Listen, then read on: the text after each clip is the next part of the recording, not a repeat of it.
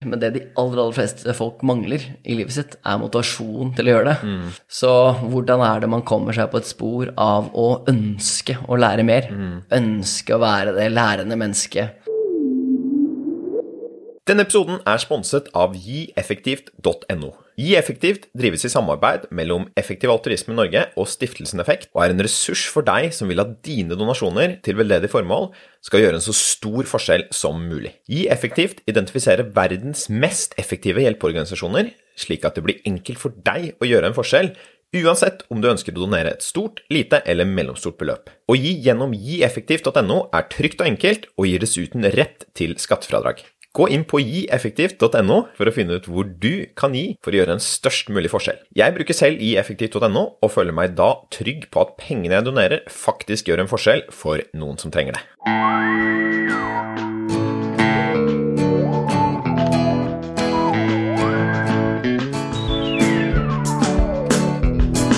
Hei, alle sammen, og velkommen til Kvartlivskrise. Jeg heter Marius Jones, og dette er en podkast som handler om overgangen til voksenlivet, der jeg, sammen med gjester, utforsker hva som skal til for å leve et intensjonelt voksenliv. I denne episoden snakker jeg med Aksel Brånen Sterri om hvordan vi kan finne ut hva vi skal mene om ulike ting. Aksel er en aktiv samfunnsdebattant og skriver ofte i Dagbladet og Morgenbladet om en rekke ulike tema.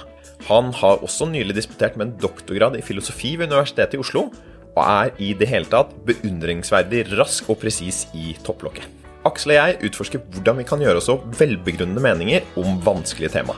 Vi snakker om hvordan vi kan finne gode kilder til informasjon, hva vi bør sikte på å mene noe om, hvordan vi kan skape en god informasjonsøkologi for oss selv, og hvordan vi kan tenke bedre sammen med andre. Jeg har tenkt ganske mye på episodens tema i etterkant av samtalen med Aksel, og det jeg sitter igjen med, er hvordan tenkning i stor grad er en sosial aktivitet. Derfor vil jeg oppfordre deg som lytter til denne episoden, til å komme med dine innspill om hvordan vi bedre kan komme frem til velbegrunnede meninger. Send veldig gjerne dine tanker til marjones89 at gmail.com. Det blir nemlig ikke siste gang dette temaet blir fokus i denne podkasten, og dine innspill kan være med på å forme da fremtidige episoder. Velkommen til en ny episode av Kvartlivskrise.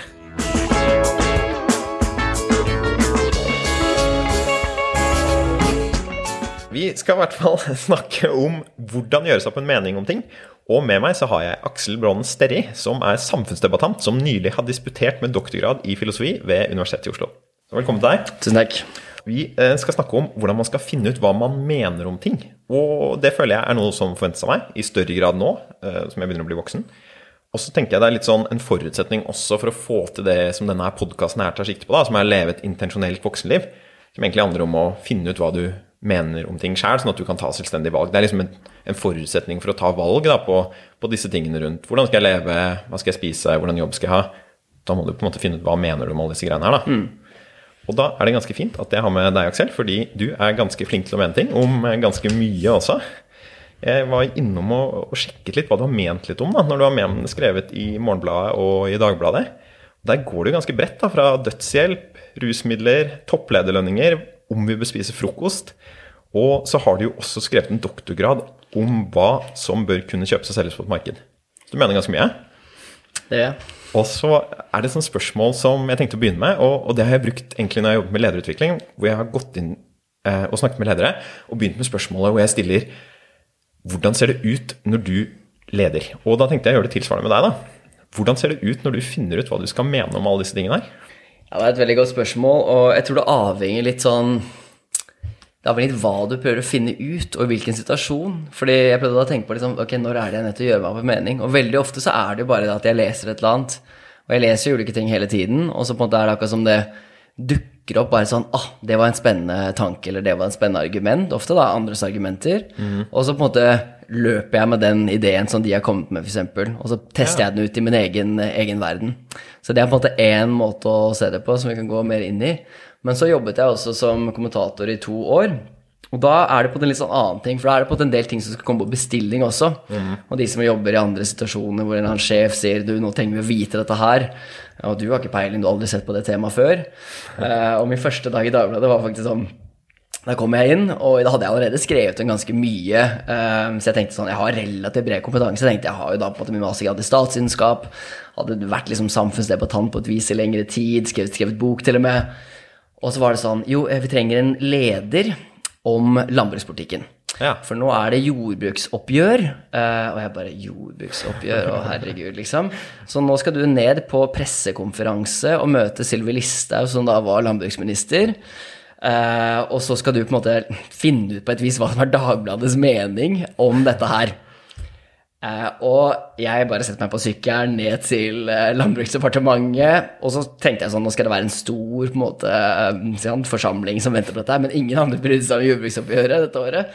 Så da var det jeg og Silve Lysthaug og hennes på en måte, departementsråden eller noe sånt noe, som sitter inne på et lite kontor, og hun på en måte pitcher eh, dette, disse endringene. da, Og hun hadde jo litt tilbake, bare noen to år før, så hadde hun sagt jordbruksoppgjøret er, eller landbrukspolitikken din i Norge er jo sånn kommunistisk system. Og det er det jo ikke sant, sånn, sånn skikkelig sovjetsystem hvor myndigheten setter på en måte prisen på korn og de tingene der. ikke sant? Fastsetter kornprisen er jo helt absurd. Og kvanta, liksom. Altså, Ja, ikke er det 1000 liter melk derfra Ja, og ikke 100 liter korn der? Ja. Og dette satt jo hun og forsvarte. ikke sant? Nå har vi økt eh, prisene og sånn. Og jeg sykler tilbake til Hasle, eh, hvor det ble kontorer, og bare Ok, nå må jeg på en måte finne ut hva vi skal gjøre. Og da tror jeg de aller fleste i den stasjonen ville vel ha vært sånn Ok, jeg spurte sjefen sånn Hva er det Dagbladet mener? og jeg visste jo sånn halvveis hva Dagbladet mener, men da er jeg litt sånn Ok, sett meg ned, hørte jo argumentene hennes. Leser liksom flere av disse pressemeldingene, kanskje ting som er skrevet litt tidligere. Og bare Jo, jeg tror faktisk vi bør gå for en form for sånn liberalisering av landbrukspolitikken. Og skriver denne lederen, får på en måte akseptert dette av sjefen, og så på dagen derpå så er det sånn holder halve kommentatorshowen og bare Hva faen er dette her? Dette er ikke Dagbladets linje. Vi er for en mest mulig sånn styrt eh, landbrukspolitikk. Så sant, i de situasjonene der så er det litt annerledes. For da er det sånn, du har egentlig ingenting å gå på, kanskje, da. Men du har på en måte noen ting, som i dette tilfellet var hva er på en måte Dagbladets verdier. Som det, jeg, skulle på en måte forsvare Dagbladets verdier på et vis. Mm. de er sosialliberale verdier. Sosiale liberale verdier kan være et fokus på frihet, selvfølgelig, men også fokus på en form for sånn sosial ansvarlighet. Eh, og så har du da fakta i eh, landbrukspolitikken. da, Setter deg ned, på en måte. og Da har du to ulike parter, kanskje. ikke sant? Eller det er det jo definitivt her.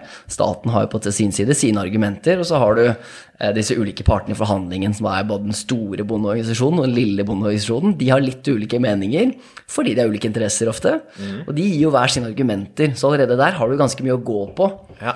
i både da statens argumentasjon, den store bondeorganisasjonen sin, som ofte da forsvarer på en måte de største bøndene eller mainstream, og så de små bøndenes organisasjon, og de kommer med sine ting. Så er spørsmålet er det noen de har glemt, kanskje. Ok, de har kanskje ikke tatt hensyn til dyras velferd, f.eks. Eh, hvem forsvarer konsumenten? Kanskje staten gjør det, kanskje ikke. Så at du kan se på liksom, ok, hvem er det som blir hørt her? Hvilke interesser er det som ivaretas? Hvilke hensyn legger de vekt på? Og så selvfølgelig det vanskelige eh, Er det slik at den politikken virker etter hensikten? Mm. Det er jo veldig veldig vanskelig da, å avgjøre i mange sammenhenger, spesielt når du skal skrive en leder og høre på Listhaug sin propaganda, og så liksom få gjort det i løpet av dagen. Um, Men der er det jo på en måte mye å starte med, og skal du gjøre sånne type ting seriøst, så bør jo du på en måte gå grundig inn i verdiene. Hvilke verdier er det som kan fremmes? Hvordan er det de fremmes på best mulig måte? Gå på, se på forskningen, ulike fagdisipliner osv. Og, så videre, og nettopp se på hvilke hensyn som ivaretas. Men det er jo en del sånn interessante ting som, som du sier bare der, da. For det, det ene er jo liksom den empiriske siden med spørsmålet her, da, som er funker jordbrukspolitikken. Og så er det jo andre, den delen som, som man kanskje kan finne ut litt uten empiri også, som er på en måte hvem er interessenten her, hva er deres interesser? Og, og da blir jo også spørsmålet hva er det vi bør optimere for i sånne spørsmål? Og, og tenker du at du har det når du skal komme fram til sånne her ting? Eh, hjelper det på en måte å, å finne ut hva er det vi egentlig prøver å få til her? Og, og i denne saken her, da, hva var på en måte ledestjernen som du tenkte at måte meningen burde være basert på? Jeg tenker jo en mening er jo ofte sånn Hva er middelet da for å nå dette målet? Det er et spørsmål, ikke sant? Jeg tror ofte jeg da på en måte er litt så naiv i dette her at jeg tar iallfall én ting for gitt, og det er at man kan se denne spørs dette spørsmålet relativt uavhengig av andre spørsmål. Og det kan man jo på en måte ikke gjøre. Og et svar kunne jo vært Ok, hva er det beste å gjøre i landbrukspolitikken? Det er bare å kutte ut hele de greia. Ikke sant? Mens når du skriver avis, eller du på en måte deltar i den løpende debatten, så er det ofte at de tingene er jo ikke på bordet på et vis. Og da er du mer sånn Ok, hvordan skal dette her systemet nå endres på marginen? Det er på en måte gitt deg litt allerede på en måte hvilke politiske alternativer som står der. Og da er det på en måte ok, innenfor denne lille på en måte paraplyen liksom, Jeg prøver liksom å lage en vifte kanskje av mulige valg. Enten eh, stramme opp litt, grann, fordele melkekvotene litt mer rigid, eh, slik at liksom, hvert fylke så er det noen melkekvoter, eller åpne for at det er på en måte over hele landet er det mer konkurranse, f.eks. Og det er kanskje det liksom, mulighetsrommet man har, da. Og det man da må gjøre, er jo nettopp å være litt sånn Ok, her er vi iallfall pragmatiske, da. Jeg prøver ikke å revolusjonere alle systemer eh, du går etter. Men så er det vanskelig spørsmål å si sånn, hva er det vi egentlig da prøver å få til? Og da er det jo sånn ting som sånn Ok, hva er det vi er enige med Norge, da? Vi er enige om ok, spredt bosetting. Uh, ok, er det egentlig viktig? Eh, kanskje er det viktig, kanskje er det ikke viktig. Er det der jeg skal på en måte slåss i dag? Så tenker man nei, greit, det er kanskje ikke der jeg skal slåss i dag. Uh, er det slik at eh, vi trenger å på en måte fremme mest mulig melkeproduksjon, eller mest mulig generell eh, produksjon? Hvorfor det? Jo, det kan være for å gi bøndene mest mulig inntekt. Ok, det kan man kanskje gjøre på andre måter. Nei, det er kanskje faktisk for å drive selvforsyning. Ok, Er det et godt eller dårlig Trenger vi egentlig det? Det er ikke så ofte vi er selvforsynt på noe annet vis. Det er ikke at mat er spesielt i så måte. Og kanskje er det det. ikke sant? Pandemien kommer, grensene stenges. Så kan det være lurt at vi i hvert fall har mat en liten periode framover. Det virker ganske basic. Men igjen, vi har fisk, ikke sant. Så kan du utfordre alle de, da. Så det jeg tror liksom der jeg starter når jeg driver sånn Jeg er jo da veldig oppe i skyene noen ganger når jeg driver filosofi og sånn. Mens i mitt daglige virke så er det ofte veldig sånn nettopp disse sånn, Ok, hva er det folk sier at er grunner for det de mener er riktig? Hva er det de er opptatt av når de tenker om jordbrukspolitikk? Så ligger noen av de normative verdiene iallfall oppe i eh, dager, da. Og så kan man heller utfordre eller ikke utfordre og se nettopp igjen om det er noen ting som er glemt i dette, da. Som ofte da vil være dyrevelferd og sånne ting. Ja, for her høres det ut som Og det tror jeg er ganske mange ting i livet hvor kanskje mulighetsrommet er, er litt begrenset da, når vi skal finne ut ting. Og det tenker jeg også når jeg skal finne ut hva jeg skal spise, så er jo ikke det en ting som egentlig er så høyt oppe i skyen. Og det tror jeg kunne kanskje vært mer nyttig for meg å bare kartlagt hva, hva er liksom mulighetsrommet, hva er det disse tingene som jeg egentlig kan skru på. For det er jo ikke alltid verden som er det. Og så høres det ut som det egentlig er litt sånn fra din side også, bare se på argumentene og se holder de mål eller ikke, da. At man kan ta stilling til det på alle tingene folk sier. Ja, og det er jo en sånn eh, som jeg ikke vet om det nærmest går an å forsvare, sånn, som jeg har nok alltid hatt en følelse av, som er den derre Ok, her er det masse eksperter som sier visse ting, eh, og jeg har nok en veldig sånn Jeg vil ikke på en måte ta en, eller prøve å liksom fatte en vurdering eh, før jeg på en måte har lest ganske grundig hva ulike folk mener om dette her, og folk som er på at det er smartere enn meg, eller har sett gunder på dette her. Men av en eller annen rar grunn så har jeg en eller annen tro på at når jeg da har lest det de sier, hørt på dem, så at jeg kan sitte og foreta en uavhengig vurdering av disse ulike argumentene, og så tenke Ok, så det vi da bør gjøre her, eh, det mest liksom velbegrunnede, er dette her. Og når du på en måte begynner å tenke er det, er det, er du rettferdiggjort å gjøre det? Det veit jeg ikke om jeg er. Men det, det er litt sånn rart. Jeg tror folk er veldig ulike. For nå må jeg tenke Ja. hvem er jeg til å ta den vurderingen? Mens jeg iallfall, jeg tror en del andre, du er kanskje sånn du òg, sitter og har en idé om at ja, får jeg servert dette her, får jeg servert de ulike grunnene, får jeg servert faktagrunnlaget, så kan jeg sitte og ta en vurdering som da er minst like god som uh, om det er helseministeren eller om det er uh, helsedirektøren. Uh, og det er en litt pussig ting. Jeg tror denne er kanskje den vi skal grave i denne podkasten her. da. Den evnen til å gjøre det. For der er jo også spørsmål er det bare ren sånn kognitiv bombredde, på en måte. Noen er smartere enn andre, og at, at du har noe mellom hodet ditt er på en måte som bare prosesserer informasjon raskt, da, sånn at de riktige konklusjonene kommer ut. Eller går det an å på en måte dekonstruere det som faktisk foregår der, da, og skjønne hvordan, hvordan er det du faktisk går fra informasjonsgrunnlaget og fram til en mening da, som virker å stå seg ganske godt ofte. Jeg synes jo ofte når du skriver ting, så det er jo folk som utfordrer deg, men, men det virker som ofte at din konklusjon blir på en måte konklusjonen som veldig mange aksepterer, i hvert fall da, på slutten av sånne her ting. Ja, ja, ikke sant? Jeg også jo da et bilde av ikke sant? Ellers hadde jeg slutta sikkert, ikke sant? Hvis du føler over tid at du ikke egentlig kommer med noe svart. Men jeg, jeg, jeg, setter egentlig sånn veldig pris på denne invitasjonen. For det, det å på en måte nettopp få tenkt grundig gjennom eh, akkurat egentlig nettopp hvordan man kommer fram til det, er veldig spennende og utfordrende, tror jeg. Men så er det også ting man kan tenke at selv om man egentlig er litt off-key, altså selv om man egentlig ikke treffer så godt som man tror man gjør, så kan det godt hende at det kan rettferdiggjøres fra et sånn For det vi kan lure på i vårt eget liv, så tror jeg vi ofte lurer på Vi prøver jo på en måte å være Få liksom eh, ikke maksimal på en måte hitrate, kanskje, men vi prøver å være ganske på en måte presise, ta gode vurderinger i vårt eget liv. Men det er ikke sikkert at hvis alle prøver å på en måte optimere en sånn fit med liksom, ok, hvordan er det, jeg skal komme nærmest mulig liksom, de riktige avgjørelsene til enhver tid, være mest mulig sånn sannhets, tre, hva heter sannhetstreffende, mm. så er det ikke sikkert at det på en måte, når vi kommer og ser på kollektivt, at det kommer til å være den beste måten for oss å gjøre. For det kan hende vi da begynner å alle bli sånn effektive altruister eller rasjonalister som tenker på de samme måtene. Mm. Mens vi trenger kanskje i samfunnet vårt så trenger vi på en måte noen som er sånn beinharde utlarister som alltid bare sier hvis vi skal være sånn og sånn her nå, hvis vi skal måte, prøve å maksimere mest mulig nytte, mm. så bør vi gjøre disse tingene her. Og så har du noen som er konservative. Mm. Eh, ikke sant? Og Nils August Andresen, for eksempel, som er redaktør i Minerva, er jo på en måte en sånn konservativ som tenker på en viss måte om ulike spørsmål. Han vil jo da være off track i mange tilfeller mm. fordi han er konservativ. Men det perspektivet trengs, og så kan det hende at jeg er off track med min hva nå den skal være, om det er å prøve å være progressiv eller prøve å være utlarist eller hva det skal være. Men så kan det hende at i sum så blir dette her bedre. Så det kan være en sånn rettferdiggjøring for det du driver med, selv om du er på en måte off-key. Så vil det være gunstig å ha flere sånne måte, mennesker i samfunnet som bare er litt sånn off, men som da til summen kommer med flere, eller til sammen kommer flere gode uh, innspill. da. Jeg liker det der. For der er det jo litt denne tanken om er tenkning egentlig en individuell aktivitet, eller er det en samfunnsaktivitet? For det er, sånn som jeg tolker det du sier her, så er det jo ikke det at alle enkeltindivider i samfunnet egentlig skal sitte med den riktige meningen om alt mulig. Det er jo ikke det som er poenget. Altså Det er jo forskjellige folk som skal ta forskjellige avgjørelser, og da er det jo viktig at de sitter og enten mener det riktig, eller presses inn i det riktige da, gjennom på en måte at uh, ulike interesser får hevet stemmen sin, eller at du har de riktige insentivstrukturene og sånt som det. da. For jeg tenker jo at Det som vi gjør som samfunn da, for å komme på riktig sted, er jo å ta beslutninger. Altså jeg tenker Det norske samfunnet er et produkt av alle de beslutningene som folk i Norge gjør hver dag. Og folk tar jo ulike beslutninger, da. Og da er det jo ikke sånn at de riktige, eller at alle trenger å på en måte ha de riktige svarene om alle disse beslutningene her. Det holder at de som tar de, enten kan det riktig, eller pushes inn det riktig gjennom noen strukturer vi har satt opp. Mm. Og da er det jo kanskje ikke det derre Jeg vet ikke om det resonnerer med det du sier i det hele tatt, på en måte, da, at, at produktet av denne debatten her er ikke en riktig mening inni hvert enkelt hode, men det er mer at til sammen da, gjennom meningsutvekslingen så havner vi et sted som er ganske ålreit allikevel.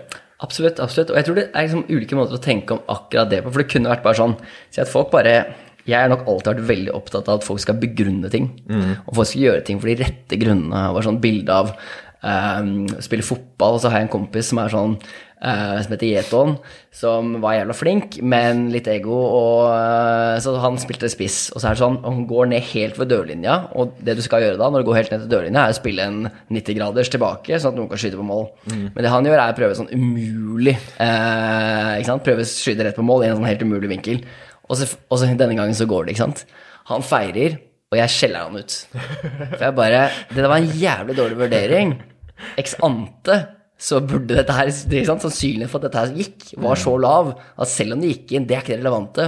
For du gjorde dette for de feil grunnene. Og jeg tror på en måte alltid har vært sånn Ok, det vesentlige er egentlig ikke om jeg er enig med deg eller uenig med deg, men de folka jeg ikke gidder å diskutere med, er de folka som bare Enten ja, de nettopp er enige, men bare aldri gi god begrunnelse for det de driver med. Mm. Eller bare jeg skjeller deg ut og bare jeg er skikkelig uenig med deg, og det er fordi du er en dust. Og så bare, ok, da, Det driter vi i, på en måte. Det er ikke så veldig interessant. Men hvis nettopp noen kan liksom være skikkelig skikkelig uenig med deg, men du skjønner hvorfor de er det, og de gir normative grunner, og de peker til data, så har vi en god samtale. på en måte. Og det er én måte å tenke om den her liksom, Gå fra på en måte disse individuelle menneskene som muligens nettopp kan være off track, mm. og så på en måte gjennom denne store offentlige samtalen hvor folk gir begrunnelser, så blir vi alle sammen klokere etter hvert. Så det er en måte å se det på. En annen måte er jo bare en ren sånn Sånn som kanskje demokrati på vis, på et, et vis er, da. At det bare er sånn Jeg har mine meninger, jeg kan ikke nødvendigvis måte, eh, verbalisere dem på noen god måte, men jeg stemmer iallfall i valg, mm. og vi har masse meningsmålinger, så finner ut hva jeg vil, og min preferanse for ting er. Enten for mm. som har betydning for meg, jeg vil ha lavere skatt, eller hva det skal være, eller bare tenker det er bra for samfunnet vårt at vi øker skatten eller reduserer skatten. Mm. Så, og da er det jo egentlig bare en sånn aggregering av preferanser mm. eller interesser, mer enn det er en aggregering av grunner. Mm. Så det kunne være liksom to ulike måter å gå på. Jeg tror nok jeg er da liksom mer i det grunnland, mens andre ville vært sånn Ok, det viktigste er bare at vi får vite hva folk mener, eller Jeg tror det er et ganske godt sted å starte, da. Men man kan kanskje tenke at de politiske beslutningene som tas i Norge i dag, er på en måte en, en, en konsekvens av begge deler. Begge deler spiller inn.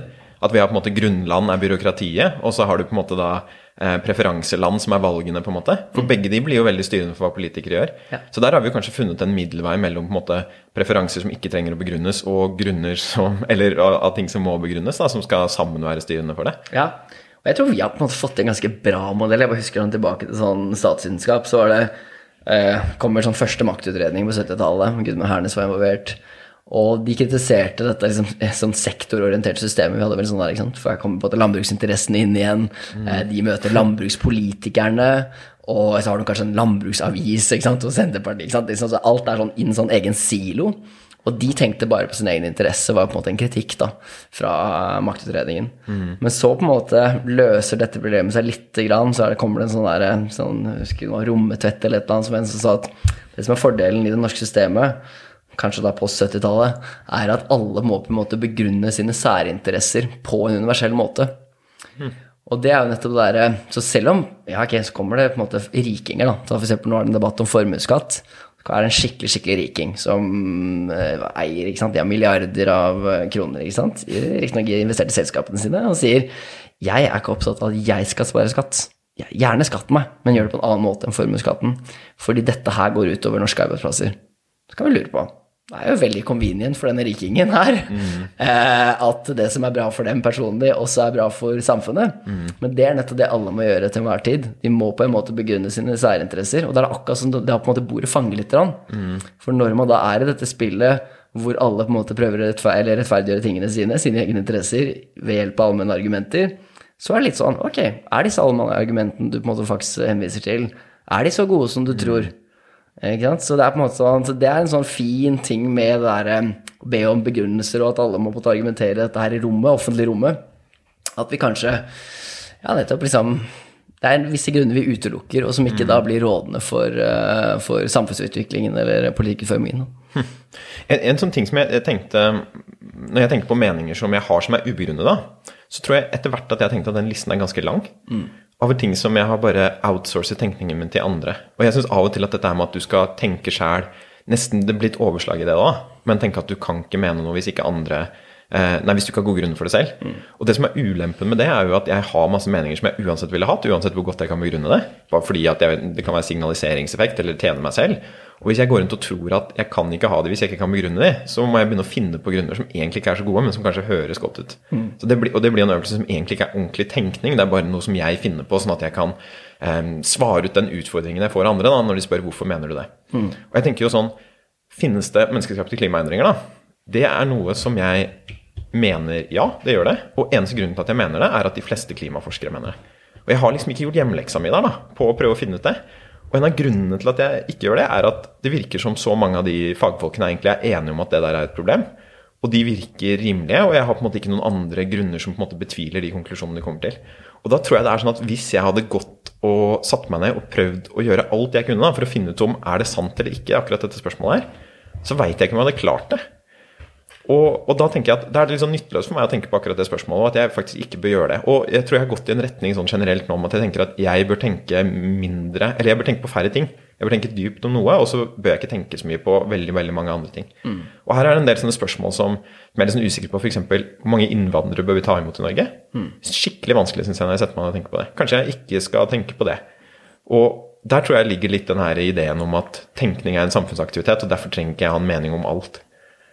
Hva tenker du når jeg har den der holdningen der? Synes du sånn, det, Bør vi tenke mer om mer ting? Bør vi ha færre ting? Er det litt feigt av meg å på en måte si at her skal jeg outsource tenkningen min til andre, eller er dette her egentlig sånn vi burde gjøre mer av?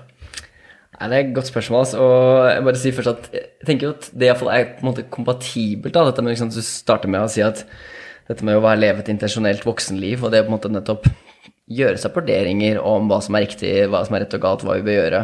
Så det er en viktig del av det. Men det er et aktivt valg, det å si ok, på dette området her så lar jeg heller ekspertene, ekspertene styre. Eh, og jeg er helt enig med deg når det kommer til eh, klimaendringene. Og tenk litt på det, liksom. Hva er det i så fall ved klimaendringene som også jeg tenker herregud, jeg gidder ikke sette meg ned her. Det virker, Kanskje er det fordi det er gevinsten er liten. Eh, som du sier, det er så mange av dem som er enige. Og det er et så komplisert fagfelt som ligger langt utenfor mitt eget. Så hva er sannsynlig for at når jeg setter meg ned dette her, så vil jeg komme fram til noe som er? Det er lett, det er større sannsynlighet for at du blir lurt ikke sant? Eh, enn at du kommer fram til det riktige. Men jeg har tenkt noen ganger på at for dette er jo en sånn her, dette ser ut til å være en sånn vridning innenfor disse effektive altruisme-fellesskapet og disse rasjonalistene. Så nettopp har jeg liksom kanskje startet med å prøve å forstå verden eh, selv. Og ikke sant, vi må bruke de beste randomiserte eksperimentene for å finne ut hvor er det vi skal gi bort pengene våre. sånn type ting. Du starter nærmest fra scratch. Og så begynner du å forstå at å herregud, verden er så innmari komplisert. Det er så mange eksperter som sitter på så mye kunnskap. Ofte taus kunnskap som ikke er skrevet ned noe sted heller. Så når du begynner å jobbe innenfor et eller annet, så ser du sånn Nei, du har ikke skrevet ned alt dette, selvfølgelig, men la meg fortelle deg, vi prøvde dette for ti år siden, det gikk ikke i det hele tatt. Den ideen du har nå, ikke sant. Sånn er det masse ikke sant. Det brukes noen ganger som terskelteknikker, så det er ikke alltid du skal stole på de folka som sier at de prøvde dette for ti år siden. Men i mange tilfeller så er det jo på en måte veldig, veldig vanskelig å få til eh, å forstå verden, da. Men jeg har likevel tenkt at det som at det på en måte er kontraen da, på en måte til den der vurderingen om la meg outsource mine oppfatninger. ikke sant? Det spørsmålet er alltid når du skal begynne å gjøre det. For jeg tror det er et eller annet med å prøve å forstå verden rundt deg, prøve å gjøre deg på vurderinger. Det på en måte setter deg på et spor som jeg tror er ganske gunstig. Ja. Så på en måte at ok, jeg føler et behov for å måtte begrunne, som du sier. Det er jo sånn i den dialogen vi har med folk, det er jo da vi blir presset. Det er veldig lett å være intellektuelt lat aleine. Så tenker jeg ok, jeg har forstått dette her, jeg. Og så sier noen ok, hva er egentlig nå som du på en måte sitter rundt et middagsbord og sier du jeg leste den jævlig interessante tingen her nå, det vi må gjøre er jo ikke sant? Den mest effektive måten å løse klimaproblemet på er dette her. Sopp kommer til å løse alt. Fordi, ikke sant? Jeg har hørt på en annen Stammis eller et eller annet fyr. Og så begynner folk å spørre ok, kan du fortelle meg litt mer om det. Hvis du har gode venner, da. så stiller deg de spørsmålene. Kan du fortelle meg litt mer om hvordan det virker? Og så skjønner du bare jeg kan jo ingenting, ikke sant? så jeg vet jo ikke hvordan det funker. Og hvis du da har gode venner, og du selv er på en måte på et spor av at jeg skal på en måte kunne begrunne mine meninger, jeg skal stå for ganske mange ting, og jeg skal vite på en måte de skal være velbegrunnede, så plutselig får du en motivasjon til å lese deg opp mer, eh, til å lære mer. Og det er det, jeg tror jeg, det er det vi tror vi trenger mer av. Det er sånn, det fins ofte når vi begynner å snakke om måte, hva er de ideelle, ideelle måtene å gjøre seg opp meninger, så er det veldig lett å måte lese sånne Jo, først så går du til forskningen. Eh, tar og sjekker ut eh, meta, de fremste metastudiene. Eh, ikke sant? Så gjør du det, så gjør du det, så gjør du det. Og vi kan snakke om sånne type ting, og det tror jeg vi bør gjøre. Men det er på en måte Det kan du på en måte finne ut mange steder, men det de aller aller fleste folk mangler i livet sitt, er motivasjon til å gjøre det. Så hvordan er det man kommer seg på et spor av å ønske å lære mer? Ønske å være det lærende mennesket. eh, Og det mennesket som dette kan begrunne sine meninger. Det tror jeg er liksom, Så hvis man kommer inn på et eller annet spor som er gunstig sånn sett, ikke bare jeg stoler på IPCC når, det, når de kommer med noen nye greier, så stoler jeg på de, så stoler jeg på det, så stoler jeg på Finansdepartementet, og så stoler jeg, ikke sant. Plutselig sitter du igjen og bare Jeg kan ingenting, men jeg er på en måte et relativt fornuftig epistemisk menneske fordi jeg har gitt bort all på en måte, beslutningsmyndigheten min på et vis eh, til eksperter. Eh, og hvis vi alle gjør det, ikke sant? så igjen så kan det være sånn Det er individuelt sett litt fornuftig på kort sikt hvis verden er stabil. Hvis du bare tenker nå, så bør jo du, hvis du bare skal gi bort beslutningsmakt akkurat nå, så kan det hende at det er lurere at du gir bort beslutningsmakten din om hvor skattenivået skal ligge til Finansdepartementet. Hvis alle gjør det, ingen tar gjør opp seg egen mening, så har vi bare ett miljø i Norge som tenker om skattepolitikk. Det er sikkert ikke gunstig. Og vi blir kjedeligere mennesker også, og til å snakke rundt middagsbordet. Alle bare Ja, det Finansdepartementet sa. Jeg vet ikke hvorfor, men eh, det er sikkert veldig lurt. Han slutter å mene om noe som helst. Og det er jo at det er en sånn god sånn Det er også en god grunn. Jeg tenker Du sa to gode grunner der også til å prøve å gjøre seg opp en mening om ting som det kanskje ikke har så stor konsekvens som du gjør deg opp en mening om heller. da. Og det ene er jo den treningseffekten.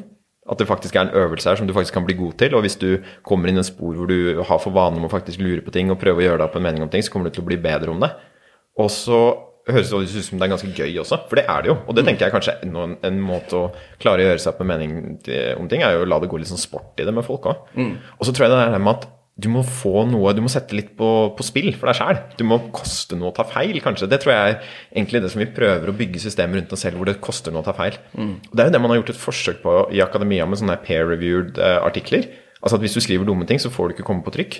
Så du, du på en måte presses da til å komme opp med gode argumenter og gode begrunnelser for ting, eller gode empiri da, for de der konklusjonene du har gjort. Og sånn kan man jo tenke litt når man er sammen med andre mennesker også. da, At man må prøve å gjøre liksom, de folkene du har rundt deg, til sine, dine reviewers, da, på en måte. På en, kanskje en hyggelig måte da, i, i forhold til det man ofte får i akademia. Men, men at andre mennesker prøver å være litt sånn bøddel mot deg. da. Ikke på en sånn slem måte, men, men jeg tror jo også det at andre mennesker er den beste måten å tenke bedre på. Hvis du klarer å skape liksom et sånn nettverk av folk som både er villig til å støtte ting, men også villig til å ta deg på ting. da. og at det kan være morsomt på veien, så tror jeg man er veldig godt på vei med det. Helt enig. helt enig. Og ikke sant, Det er flere sånne steg i det der. så liksom igjen For min egen del så tror jeg ofte, veldig ofte liksom, sitter jeg og leser. Og det er jo igjen også en sånn, på en måte, sånn quality ting. Så noen kan jo sette seg ned og på en måte tenke og på en måte komme opp med ting. Mens mitt hode er på en måte ganske sånn tomt hvis ikke på en måte, enten jeg lytter til en podcast eller jeg leser et eller annet, eller jeg er i dialog med noen. Så for min del er på en måte idégenerering veldig veldig ofte sånn, sånn sett en, på en, måte, en communal uh, fellesskapsøvelse. Så det er en fellesskapsting i innsamlingsprosessen, lesingen og litt til podcaster, så bare begeistres jeg av en idé. Noen kanskje sant, var utrolig flinke til å formidle en eller annen kul idé, og så bare herregud, den må jeg på til å løpe med, som sagt. Sant? Så går jeg inn hos venner, og, og da har jeg på til såpass over tid sikkert samlet venner, fordi det er måten jeg også fungerer på, som da vil si hm, det passer ikke overens med slik jeg forstår verden. Og så har jeg da jeg, Hittil har jeg vært superlat, intellektuelt lat. Jeg har ikke utfordret den ideen. Jeg har heller kanskje ikke prøvd å finne ut om den passer helt overens med mitt eh, verdensbilde hittil. Jeg har bare vært sånn skikkelig begeistret. Eh, kommer inn med begeistringen, så skyter noen ned, og så blir jeg på defensiven. Ja. Så jeg bare Ok, men nå har jeg fremmet den. ikke sant? Det er noe som står på spill her. Yes. Eh, min status i vennegjengen her rundt middagsbordet. Jeg har levert den, den nye geniale ideen, og så blir den skutt ned. Ok, da må det forsvares. Da er det akkurat som Der, der tror jeg folk er litt ulike. da, ikke sant? Hvis du er kompetitiv, liksom, så er, begynner ting å skje. Og da plutselig merker du hodet måtte, går jo mye fortere enn det ellers gjør. Og du begynner å forsvare det. Kanskje merker du i løpet av den debatten, som kan vare kort eller lang tid, at det her var, det, du greide ikke å forsvare det. Og det kan da være fordi du manglet argumentene, selvfølgelig, så du må gå tilbake og liksom virkelig lese det opp. I andre tilfeller så skjønte du bare ok, det, var, det var her var jo ikke så god idé likevel. Eh, du innrømmer ikke det under middagssamtalen, kanskje, men eh, ikke sant? Så den ideen droppes jo bare sakte, men sikkert. Du sto, jo og holdt din eh, ground i den eh, samtalen. Hvis du derimot er slik at du den overlevde den middagssamtalen, ja.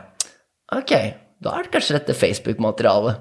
Kanskje skrive en Facebook-post hvis det er en inter- interessant idé. ikke sant? Kan luftes ut hos enda flere.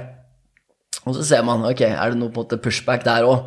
Og da igjen er det der, ikke sant, så skriver noen, da, kanskje er det en Nils August Andresen som kommer og er skikkelig party, eh, partypooper og skriver en lengre greie om hvorfor du tar feil. ikke sant?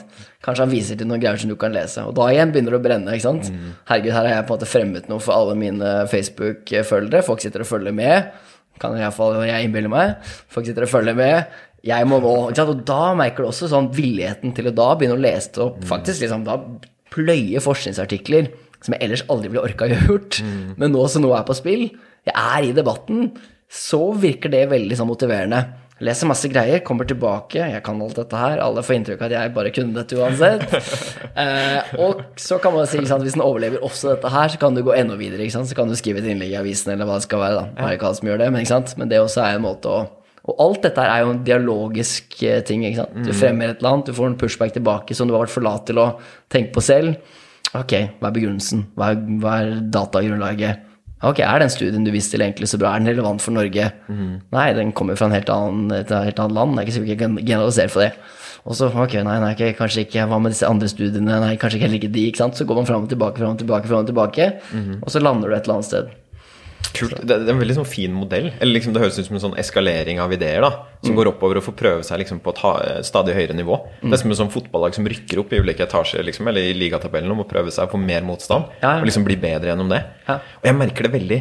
Og jeg tror den der, særlig den effekten med at når noen har pushet tilbake på deg, eller i hvert fall på mine ideer, da, så begynner hodet å kverne liksom nesten på autopilot. Både motivasjon for å lese ting, men også bare at den her, liksom hodet bare jobber da i dusjen og når jeg, nesten når jeg ligger og sover og sånn, på å prøve å finne ut hvor var det tok feil, burde jeg ordlagt meg annerledes, hvordan skal jeg si dette neste gang? Um, jeg driver og former sånne debattinnlegg nesten i hodet innimellom. meg. Og jeg tror f.eks. det å lage podkast er en utrolig fin greie for min egen tenkning, for å spisse egen tenkning. Og særlig når folk sier et eller annet som jeg blir irritert på i podkasten. Hvis vi nå har denne debatten, og så slenger jeg ut at ja, min måte å tenke på dette er, og så sier du nei, det funker ikke. Da kommer det der til å gå i hodet mitt som en sånn loop, og det tror jeg er veldig sunt. altså. Så det med å få andre til å pushe tilbake på seg og liksom tenke at det her er en sosial aktivitet, er, er utrolig sånn godt virkemiddel. Og der høres det som, når jeg hører deg da snakke om dette her, hvordan For det, det høres nesten ut som Jeg vet ikke om dette er noe du Når du ser tilbake, så ser du at det funker sånn, eller om du faktisk har tenkt at oi, det er en god måte å utvikle ideer. Men at det starter med, med inspirasjon om bok, og at du kverner for din egen del. Så pushe det på folk i en liten forsamling, eller legge det frem for folk i en liten forsamling. Hvis det overlever Facebook-post, hvis det overlever avisartikkel, og hvis det overlever der, så er det da er det en bok eller doktoravhandling eller noe sånt på, på slutten der. Er det, er det sånn du tenker at det funker? Altså, jeg har ikke, ikke sånn rett til det. Jeg tror veldig ofte så gjør man de tingene man på en måte en, ser funker eller syns er behagelig selv, og så på en måte er det sånn når du tvinges, sånn som i denne situasjonen her, tvinges man til å reflektere over det. Mm. Eller i andre sammenhenger også, hvor jeg på en måte skulle måtte holde for noen foredrag om måte, nettopp hvordan er det du skriver, eksempel. Så plutselig bare Hvordan er det egentlig jeg skriver? Hva er det jeg gjør for noe? Og så trenger du den der metakognitive. Jeg er nok glad i det metakognitive generelt, sånn sånn, hva er det egentlig som foregår? Men det er ofte sånn det trenger en sånn igjen en ekstern, noen som sier Ok, kan ikke du begrunne nå nærmest hvordan du kommer fram til de tingene du vanligvis kommer fram til? Eh, og da skjønner du også på en måte hvor eh, suboptimal, eller på en måte eller ikke ideelt, eh, du driver egentlig. At det nettopp er hvor mye, at hvor mye jeg for eksempel er drevet av nettopp motivasjon og simple på en måte, ja, simpel motivasjon på et vis. Eh, om det er å lykkes i en eh, sosial situasjon, å bli sett, ikke sant, anerkjent, alle de tingene der. Men også gir det en begrunnelse, tror jeg, for Jeg har alltid vært en sånn sucker for sånn pop-hit-litteratur. Og mange er jo sånn Herregud, det er jo bare, det er jo bare teit, ikke sant? Du kommer ikke ordentlig inn i ideene. Malcolm Gladwell, du kan ikke stole på han. Og jeg bare Jeg driter i det. Jeg driter i det. Da, når jeg leser de tingene der, jeg gleder så mye av det. Jeg kjenner endelig at det liksom Ok, nå kommer det nye ideer hos meg. Og nå kunne jeg kanskje kalt det ikke sant, når jeg tenker på det, så kunne jeg godt kalt det en sånn hypotesegenererende fase. ikke sant? Så Målet er ikke egentlig at det skal være på en måte sannheten. Det er bare starten. Men jeg har ikke egentlig tenkt på det. Bare det her, det her gleder jeg gleder seg over. Og det har jo vært måten for meg fordi jeg har vært såpass Jeg vet ikke på en måte hvor jeg har den fra. fordi noen er jo sånn Nei, det du bør gjøre, er jo å lese lærebøkene i alle fagene. Så vår felles venn Ole Martin Moen er litt sånn, føler jeg. Sånn. Eh, Det er bare å, ikke sant, Du leser introduksjonsboken i biologi, og så leser du introduksjonsboken i økonomi. Og jeg bare, du, jeg, Hvis jeg tar en lærebok, så får jeg bare helt uh, angst. eh, så her må jeg på en måte gå min egen vei, som er utrolig sånn suboptimal.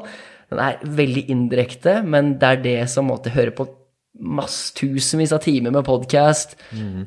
tusenvis av sånne bøker, pop-it-bøker, som etter hvert gir meg de da nødvendige økonomiske begrepene. Og så etter hvert blir det en del av mitt hode og min måte å tenke på, som blir effortless for meg. Ikke sant? Hadde, vært, ikke sant? hadde vi vært andre dyr, hadde jeg vært et mer ideelt menneske, hadde vært mer av en gud, så hadde det vært lettere å bare lese læreboka, pugge alt, kunne det, så hadde jeg gjort det. Men det er ikke sånn min hjerne iallfall funker, da. For alt må på en måte gå via gleden. Så da må folk, og det er kanskje det som er, når vi justerer disse tingene, og folk skal kanskje finne sin egen vei i dette her, må jo være sånn Hva er det de på en måte gledes over? Hva er det de syns er, hva er, det de synes er eh, på en måte spennende og gøy? Hvor er det de får ideene sine? Hvilke måte, sosiale sammenhenger er det de på en måte føler at de greier å tenke videre? Det er ikke alle som liker den kompetitive. ikke sant? Noen liker det mer kollaborative, eller hva vi skal kalle det. Så det også er ja, tricky. Veldig kult. altså, fordi ja, Der er det litt med å bygge det systemet rundt seg selv som passer deg selv, da, og som trykker på de riktige knappene hos deg. Og En ting som jeg synes er litt sånn kult her, er jo at vi snakker om ting som, som jeg syns av og til trekker fram som negative, eh, negative ting for en god en måte, informasjonsøkologi, da, sånn som konkurranse, og egentlig litt sånn signaling også her. da. Det er en sånn kritikk jeg har hørt av liksom, kapitalisme, f.eks., at den forpester informasjonsøkologien vår. Altså at den gjør informasjon tilgjengelig dårlig for at noen kan tjene penger på å selge ting. ting. Og, og det er nok noe sannhet i det, men så tror jeg den der konkurranseelementet som ligger der, at alle må også prøve så godt de kan å selge deg ting, og du har ofte en tredjepart som evaluerer hva alle prøver å selge deg, det er jo også en del ting som dytter eh, informasjonsøkologien i ganske riktig retning. For det tvinger jo alle aktørene til å prøve å tenke litt nøyere gjennom ting. Så jeg tror sånn der at vi, at vi prøver å vise oss frem for hverandre, da, at vi prøver å fremstå som smarte individer, kan høres litt sånn Å, er det det vi holder på med? Det er jo litt sånn kynisk og rart og sånn. Men det er jo egentlig utrolig fint hvis veien dit går gjennom god tenkning, da. Og at vi har andre som utfordrer oss til det. Absolutt. Og det viser, men det viser kanskje også på en måte hvor skjøre eh, på en måte, liksom, hvor skjør vår vei til kunnskap egentlig er. For den er så avhengig av at insentivene eller strukturene er rigget. Så Det har vært mye diskusjon nå i siste sant, om nettopp denne her eh, informasjonsøkologien som du snakker om. Så har man sagt at greit, vi har hatt måte aviser som av en eller annen grunn har måte fungert relativt godt, spesielt i Norge. Folk leser aviser. De avisene var jo partiaviser, så jeg er ikke sikker vi kunne stole på dem tidligere. Så hadde vi en liten sånn gullperiode i 30-40 år hvor de, alle leste aviser, de virket relativt fere. Og nå har vi annonsemodeller som gjør at dagbladet.no ser helt forferdelig ut. De fleste får tingene sine via Facebook, ikke sant. Så det er på en måte da kanskje muligens insentivene i informasjonsøkologiske systemer, eller hva jeg skal kalle det, har kanskje blitt rigget i på en måte favør av andre ting enn på en måte god spredning av informasjon. Og da vil på en måte lik atferd fra hver enkelt eh, menneske innad i systemet eller iallfall de samme måte, insentivene er der. på en måte, Vi drives av de samme måte, drivkreftene. Vil på en måte kunne bare potensielt styre oss i helt feil retning. da. Og noe av dette kan vi selvfølgelig, for vi er ikke helt sånn her eh, Oi, det var, det var et øk økosystem jeg på en måte bare ble drevet med som drivved ved Nei, vi kan gjøre ganske mye med ikke det for å rigge det. Vi orker det ikke lenger, ikke sant. Å herregud, jeg merker at Facebook ikke gir meg dette lenger, og så på en måte velger vi å på en måte heller Mm. finne informasjon våre andre steder og være andre steder for å dele informasjon. Så vi gjør jo definitivt et aktivt valg her, men at det ikke er så enkelt som å si at enten kapitalismen har eh, de rette elementene, mens derimot er jeg helt enig i at konkurransen innenfor gitte rammer, som Adam Smith sine greier, det er jo sånn så lenge måte de private insentivene er på en måte aligned med de sosiale måte eh, målene, så fungerer det ganske bra, og det krever f.eks. om ikke alltid perfekt informasjon, så iallfall noe informasjon, delt informasjon, osv., osv. Så, så at vi kan liksom finne ut når dette funker bra, og når det ikke funker bra, og hvordan kan vi som designere av disse systemene, enten på mikronivå, hvilke venner vi skal ha, f.eks., eh, hvilke bøker vi omgir oss med, sånne type ting, men også på den makronivå. Hvordan er det vi liksom kan finansiere aviser på en bedre måte, f.eks., for, for å sikre at uh, det er bedre informasjon i dem. Det tror jeg er et viktig valg vi tar. altså. Og for å ta det personlig på ditt nivå, da, for det er kanskje der det hele starter. altså Tenkningen starter kanskje med å ha en informasjonsøkologi som fungerer sånn høvelig. Og jeg tenker Når jeg sier en informasjonsøkologi som fungerer høvelig, så betyr det at det er mye signal du får, og lite støy. Og at du pushes mot å tenke godt og ikke dårlig. Så når du kommer og presenterer ting til vennene dine, da, så er det ikke sånn at de, det alltid må være på en måte noe som støtter opp høyrevridd politikk, f.eks. Eller så får du kjeft og ingen liker deg. Men det er faktisk en gjeng der som prøver å dytte deg i å komme nærmere det som er sant. Og Ja, ja. hva er det du gjør for å på en måte rigge informasjonsøkologien din sånn at den bidrar til at du må tenke bedre, eller dytter deg i retning av, god tenkning? Og her tenker jeg både på venner, men også kanskje bredere sånn Altså, hvordan ser Facebook-profilen din ut? Hvilke blogger er det du følger? Ja. Hmm. Jeg tror det er i hvert fall en sånn sånn felles ting når det kommer til i atferden min, iallfall, som er veldig giret inn mot ja, i en kompetitiv eh, debattmåte å være på, hvor det som belønnes på en måte er Da er det litt å være rask på avtrekkeren, avtrekkeren på et vis, men også på en måte utfordring er det helt sentrale. Ja. Noen kommer med på en måte en påstand, et argument. Målet er at den skal på en måte ja, få, få, på en måte få litt pushback, eller den skal iallfall utforskes. Det trenger ikke være sånn at den skal skytes ned med en gang, men at det er en sånn på sitt beste en sånn felles utforsking av de argumentene som framsettes. Og at det er kjedelig hvis det på en måte er sånn ah, Du kommer med en påstand, og jeg sier 'Å, jeg er helt enig med deg'. For da er det jo ok, da, da er vi ferdige, da. da ikke sant? Og så sier, hvis jeg et eller annet, så sier du 'Ja, nå, er helt enig med deg også'. Så at det er den der felles utforskingen, og den nettopp er litt sånn Har litt brodd i seg, sånn at du skjerpes. Har, du, har du snakket med folk om dette? Er det sånn at du sier til folk at du vil at de skal oppføre seg sånn, eller blir det litt sånn at du viser gjennom å, å gjøre det sjæl? Ja, jeg tror det er mer det siste. At det er Jeg er ganske nok da på en måte lite COB. Kan nok være det er folk litt ulike. Hvor sensitive er de på omgivelsene sine? Og jeg tror nok liksom jeg delvis kjenner på andre folk, så noen er på det hyperempatiske mennesker. Jeg er nok ikke så empatisk. Så for meg, det å da havne i en sånn der ja, rett da, kompetitiv debattgreie, da gledes jeg, merker det. Og da, og, da, ser jo sikkert folk rundt meg at nå har jeg det skikkelig bra.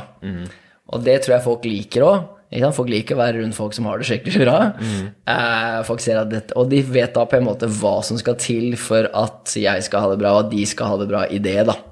Nå blir jeg veldig sentral i denne fortellingen om meg selv, på en måte, men Ja, sånn men det er, er jo det. det er liksom, Jeg har jo bedt litt om det, egentlig. Ja, ja, i din, eh, ditt system her. Men også hvis jeg på en måte var en liten det mulig at dette her også avhenger på en måte at jeg spiller da en relativt sentral rolle i noen av disse sosiale situasjonene. Hvis på en måte jeg var fullstendig på en måte en bifigur i mange av de, så kunne ikke jeg på en måte kanskje formet mitt uh, miljø på samme måte, da. Men så det tror jeg er på en måte hovedtingen, at liksom gjennom å bare være ikke da altfor opptatt av at har alle det bra nå? Har du fått, på en måte, Er du blitt hørt nå? Oi, var dette, litt, eh, liksom, var dette litt for hardt? Gikk jeg litt for hardt mot det du sa nå? Eh, ikke sant? At det er mer sånn Ok, du på en måte fremmet et eller annet, så på en måte nødt til å stille sånne ganske kjipe spørsmål hvis ikke du på en måte kjenner de folka som sier sånn Ja, Hvis noen kommer med 'ja, faen, jeg har lest denne nye spennende tingen', sier han ikke, hva er grunnlaget for det? Fortell meg, liksom. Og så bare eh, Nei, altså, når du sier det. Det kan jo være skikkelig kjipt for noen, men det da bare ikke være sensitiv for det, Ja. det tror jeg er ganske sentralt. Og det er det jeg tror på en måte kan være et problem for en del folk, er at apropos liksom singling, så er det sånn Hva er grunnen til at vi snakker? Og liksom, vi ikke begge har vært borti Robin Hansen, som har sånn The Elephant in the Brain, som nettopp på en måte forklarer veldig mye menneskelig atferd med singling. At? Eller vi bare, det er andre ting vi driver med når vi snakker med hverandre. Vi er ikke egentlig ute etter å få informasjon fra andre parten. Og jeg tror? Vi er inne på dette kompetitive, men det kompetitive kan noen ganger være bra for informasjon. Mens andre er, er ikke egentlig, Når de snakker, så snakker de egentlig bare for å, måte, at de andre skal ha det bra. Det er bare for å skape harmoni. Og, hvis det, og de skal bekrefte hverandre. Og hvis det er hovedsakelig det du driver med, så har du nok ikke et veldig sånn gunstig informasjonsøkologisk måte, infrastruktur, eller hva jeg skal kalle det. Eh, så det er nok liksom Ok, da må man jo finne ut da, om man er i det gamet. Hvilket game er det vi egentlig er i her? Og jeg kan nok dumme meg ut sånn uh, For det er jo på en måte for eksempel kjæreste. Så er det ikke alltid du skal være i kompetitiv, utfordrende Fortell meg grunnen for det. Noen ganger skal du bare være lyttende. Og? Så det er noe med å liksom finne ut ok, hvilken situasjon er vi egentlig her. Veldig vanskelig, og, og jeg tror det ofte er en balansekunst også. For det er jo som du sier, ikke sant, at kanskje hvis man skrur opp intensiteten for mye på det competitivenesset, så blir det sånn at folk ikke tør å si hva de mener heller. For at da, da vet du du får den, ikke sant, og her grilles du, og så er det sånn at hvis du ikke kan svare for deg, så blir det litt sånn kjipt. Og, og man vil kanskje ikke skape den stemningen heller. Men jeg tror du kan klare å skape et miljø hvor du utfordrer hverandre med et smil. da. Jeg vet ikke om det, jeg tror ikke det er motstridende til det du sa nå, men, men det å på en måte, at man har sånn at man utfordrer hverandre, man gjør det for vane, men at det kanskje ikke eh, påvirker så mye hvordan du behandler folk etterpå. da. For at jeg tror Hvis du, du kommer i et system hvor det blir, folk blir veldig sånn sensitive på at her må jeg si det riktige, ellers er det slakt, liksom, så, så kan jo det være tøft for mange. Jeg merker jo det også, og bare sånn for å reflektere for egen del, hvis jeg kommer inn i et miljø, så liker jeg å bli utfordret. Og så merker jeg også at i hvert fall i meg, da, så kan det være litt sånn angstskapende at alle utfordrer meg. Da tror jeg det går utover kvaliteten på tenkningen min også. Så det er jo en sånn vanskelighet med å få det trygt nok til at folk føler at det er rom i hodet, at de tenker på det, og ikke bare 'oi, ser jeg dum ut nå'? Samtidig som man gjør det til vane for å utfordre folk, sånn at man faktisk får tenke bedre. Så Jeg vet ikke om det er et seleksjonsproblem å få inn de riktige menneskene her, eller om det er et balanseproblem, eller om det er best av begge verdener som man egentlig kan få i dette. Ja, Det er et godt poeng. Og jeg tror sant, En ting til det her eh, seleksjonsproblemet Jeg har tenkt mye på når det kommer til sånn mingling, så tror jeg sånn at folk har på en måte ulike sånn strategier for å overleve i sånne situasjoner som er ganske kleine og rare for oss. Og alle forteller jo, ikke sant. Alle på en måte sliter jo med mingling. Eh, og det veldig veldig mange gjør, er jo å prøve å tilpasse seg den andre parten, som de ikke kjenner. Det tror jeg er en ganske dårlig strategi. Um, dette sier jeg litt sånn for kødde noen ganger, men jeg tror jeg mener det også, som er sånn Hvis du derimot er sånn Hva er det du er opptatt av?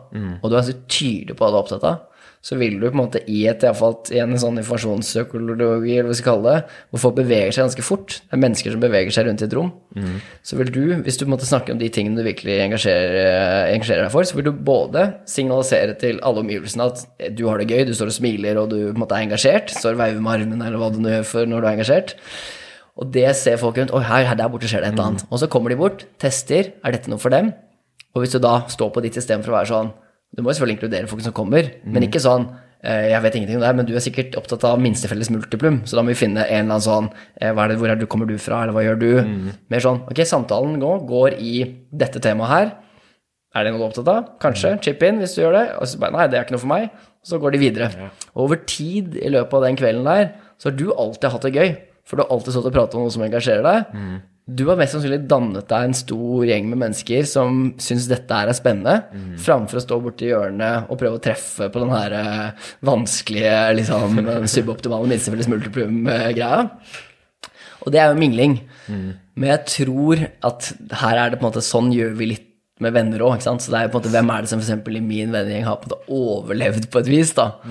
Eh, Det er jo de som på en måte trives i det greiene. Men så tror jeg det er noe mer da, som du pirker i, som er litt sånn Hvordan kan man være utfordrende, men vise samtidig at her er det ikke liksom Hvis du sier noe som ikke er smart, eller, så er det, er det helt greit. Og kanskje det er en sånn som, sånn som er starten for dette her. Hvor vanskelig er det ikke egentlig å finne ut hva som er rett? Ja.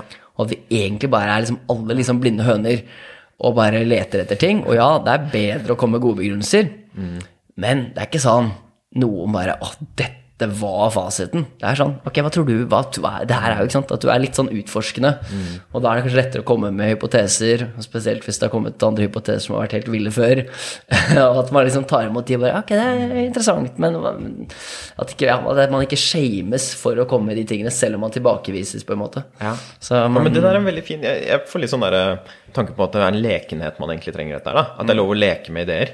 Fordi at leken går liksom begge veier. Da er det lov til å kaste ut ting, og så er det lov til å henge seg på det, og det er lov til å dytte det tilbake og sånn. Men at det er litt sånn jeg vet ikke, good fate, da, som det av og til beskrives som dette her. Selv om du kommer med noe som er rart der og da, så, så blir du ikke kastet ut. Og så er det jo alltid Dette er jo en vanskelig ting, synes jeg, som er med relasjoner. For det er jo sånn, ja, på en måte skal vi ikke dømme hverandre, på en annen måte så gjør vi det jo hele tiden med hverandre også, ikke sant. Og jeg har jo også selektert vennene mine. Og det er jo noen som jeg prioriterer, og ikke andre. Og det har jo litt med hvor mye er det de sier som jeg tenker at hm, det var lurt, det skal jeg ta til meg. Så jeg, jeg merker jo at selv om jeg på en måte sender et signal til mennesker rundt meg da, om at du får komme her, du får mene hva du vil, jeg skal si deg imot, men jeg dømmer ikke deg, så gjør jeg det nok det litt allikevel. Eh, som er kanskje den, den harde sannheten om hvordan måte, relasjoner funker, da, som gjør at dette her blir en veldig vanskelig balanse å få til. Jeg tror jeg helt rett i det, og jeg tror jeg tenkte mye på sånn her at jeg tenkte en periode at det var veldig viktig å si til mine venner at eh, ok, du, jeg liker deg, og du er bra, og på en måte respekterer deg, de tingene der. Jeg er nok ikke, jeg har aldri vært flink til det, men tenkte jeg, det, det var viktig, tenkte jeg. Men så var det sånn Det er jo mye det er sterkere signal hva du gjør. Så selv om du skulle sagt Nei, her vurderes du ikke på hvor mye du har å komme med. Så er det sånn Hvis alt man snakker om, handler om det, Ja. Så er det klart at det får alle med seg, ikke sant. Så um, her er det litt sånn Og der må man bare være såpass ærlig, og det tror jeg er på en måte det som er litt problemet ofte, at mange vennegrupper er jo, er jo ganske sticky. Og man har på en måte liksom havnet inn i det. Og så da, hvis man da ikke egentlig trives der, ikke sant? for det er jo dessverre mange som er i sånne situasjoner hvor de ikke trives med vennene sine, kanskje, hvor de føler seg mindreverdige, har vært der lenge og bare Ok, jeg har ikke noe å komme med, eller de bare føler at det er et eller annet off. Kanskje kjeder de seg, som er en annen ting som er vanskelig å identifisere. Hva er grunnen til at jeg kjeder meg nå?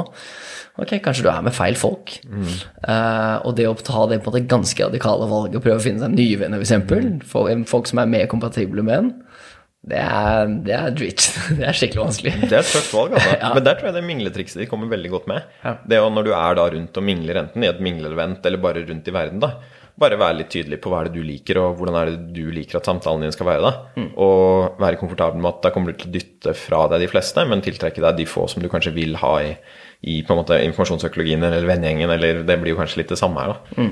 Jeg syns det var så fint en sånn periode på Facebook, som jeg tror var før på en måte, algoritmen deres gikk helt bananas, mm. Så var det nettopp det der hvordan folk kan skrive om liksom, de skikkelig rare tingene de bryr seg om. Ja. Eh, og så bare er det jo andre folk som på en måte fanger opp det rare du gjør, da. Framfor å på en måte gjemme det rare. Og det syns jeg er på en måte litt fint med å bli voksen. At man har en liten periode i livet sitt hvor det er sånn uh, ungdoms... Uh, kanskje egentlig barneskolen, ungdomsskolen, kanskje videregående, dessverre litt lenger utover for mange. At man er opptatt av å være så normal som overhodet mulig. Og så skjønner man etter hvert at ra, å være rar det er veldig bra, for det, det gjør at når du søker på jobber, så er du den som måte, kanskje stikker deg ut. I andre sammenhenger så er det rare på en måte noe som det er lett å feste seg med når du bare står litt ut av mengden. da. Eh, og det å på en måte finne igjen sånne der, ikke sant? infrastrukturer som gjør det mulig for folk å signalisere sine på en måte, rare ting.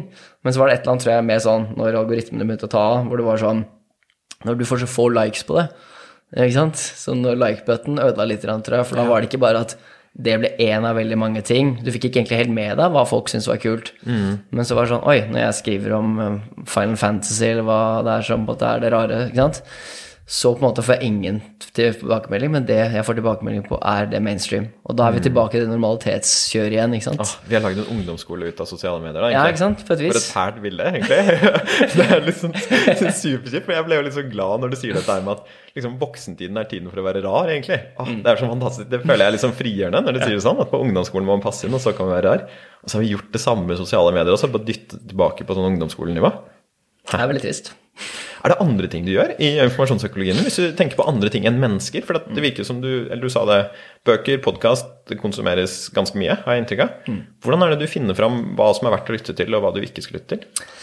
Det er et godt spørsmål. Igjen så er det nok veldig for min del at eh, det er noen ting som jeg bare igjen det, er noen som snakker til meg. Og så er det spørsmålet hva er det, hvilke ting er det som snakker til meg? Da? Så jeg, jeg har alltid lyttet veldig mye til sånn Econ Talk, er det sentralt for meg, som egentlig da bare består av én økonomiprofessor som snakker med andre økonomiprofessorer, eh, på en ganske sånn lett tilgjengelig måte, hvor du bare over tid Og sikkert i starten skjønte jeg lite av det. Jeg har 40-50 studiepoeng i økonomi fra universitetet, men ikke noe jeg på en måte liksom veldig, jeg føler at jeg liksom kan eller gjorde det veldig, veldig bra i. Men over tid så bare blir det derre alle de på en måte begrepsparene som på en måte er i økonomi, på en måte etter hvert bare blir en naturlig del av det. ikke sant? Flyttet mye til Freakonomics, Planet Money, sånne type ting.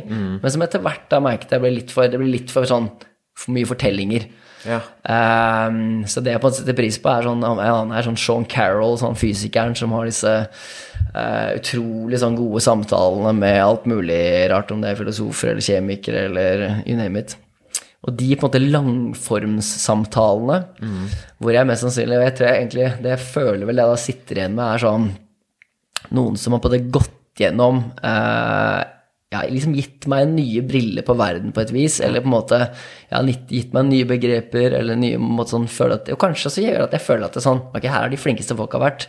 Så nå på en måte har jeg enten da fått bekreftet at jeg er litt sånn on track, Ja. eller litt sånn Oi, her må vi enten Her må jeg lese meg veldig opp fordi jeg åpenbart ikke er med i det hele tatt. Eller her må vi justere kurs. Her trodde jeg at det var på denne måten. Eh, her er det noen, en av de flinkeste folka på CRISPR som sier noe helt annet. Ok, da må jeg på en måte finne ut litt uh, hva som foregår. Det er sånn realitetsorientering, egentlig. Ja, ikke sant? Og jeg har liksom egentlig, ikke sant, igjen så er det sånn, dette er på en måte ting jeg ikke har tenkt så mye på, tror jeg, men jeg tror det er de funksjonene det spiller på en måte, at sånn over tid så bare på en måte blir du bekreftet ditt eget syn, men også på en måte nettopp da liksom at det blir en korrigeringsmekanisme. Ehm, og på en måte hva som da på en måte hvor så jeg er ikke sånn som noen sier som er sånn Ok, nå skal vi bekjempe polarisering. Så er det utrolig viktig at du begynner å følge masse folk på Twitter og Facebook som du på en måte ikke har noe til felles med, f.eks. Jeg har ganske brede tilfang i begge sosiale medier, på en måte har mange venner. Men igjen så vil det bare være alt har å gjøre med hvem jeg på en måte interagerer med. ikke sant? Det er det algoritmene gir meg. Det er de folka som jeg føler jeg får mest igjen for. De mest sannsynlig tenker relativt likt som meg. Overvekt av økonomer, noen analytiske filosofer, en del statsvitere og sosiologer og slike ting. Som gradvis tar mer plass i feeden din. Ja, ikke sant? Ja. Og bøker. bøker. Altså, det er vanskelig å si ass, hva som egentlig er det som blir felles i det. Men at det er sånn, det er noen ting som bare Noen ting ligger jo i vinden. Ja. Mindre og mindre, på en måte. En periode så var jeg veldig på de bøkene som både kommer, de snakkes om. Igjen fordi jeg på en måte er ser på en måte, eller iallfall implisitt, så jeg ser på motivasjon som en knapp ressurs, og bare tenker å herregud, den boka har jeg lyst til å lese. Fordi folk snakker om det på podcast, fordi det er noe på en måte, det vil bli snakket om rundt middagsbordet, eller man diskuterer i offentligheten.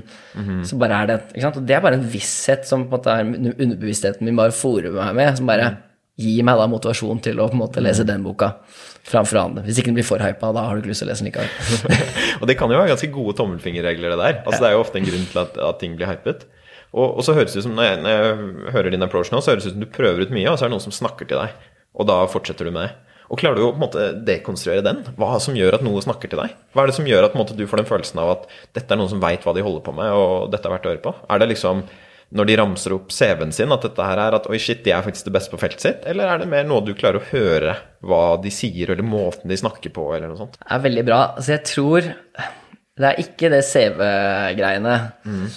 Så er noen folk, så eksempel er det en økonom som heter Robert Frank, som bare er helt fantastisk. Eh, og han eh, har skrevet flere bøker, og han er en sånn, det han er på en måte tilhenger av, som han har funnet ut i løpet av sin tid som økonomiprofessor på Cornell, var bare sånn Ok, folk lærer ingenting. De husker ingenting. Så du på en måte sånn, okay, Folk har på en måte basic økonomi, og det er det jo veldig mange som er i USA spesielt. da? Alle skal gjennom det der basic økonomifaget som en del av sin liberal arts education. Så tester du dem i etterkant. og Selv folk som går økonomistudiet, tester du dem noen år etterpå, så er det ingenting som sitter igjen. Ja. Helt basic eh, begreper. Basic ting som alternativ kostnad, insentiver, hvordan fungerer det, hvordan fungerer prismekanismen, hva skjer når du putter på et pristak, alle de tingene der. Helt basic ting innenfor økonomifaget. Be en, eh, en som har tatt en master i det, forklare det etter tre år. Og de sliter, ikke sant? Så han var sånn Ok, hvordan kan vi på en måte bare grunnleggende sett gi folk den økonomiske intuisjonen? Og det er det han på en måte gjør. Jeg tror det er kanskje det prosjekt, altså. jeg på en måte liksom De folkene som greier å gi meg en, den psykologiske intuisjonen, eller på en måte den økonomiske intuisjonen Jeg tror det er det som er så bra med han der Russ Roberts på Econ Talk. Talk, er liksom Han har en veldig sånn forklarende, men ikke belærende måte.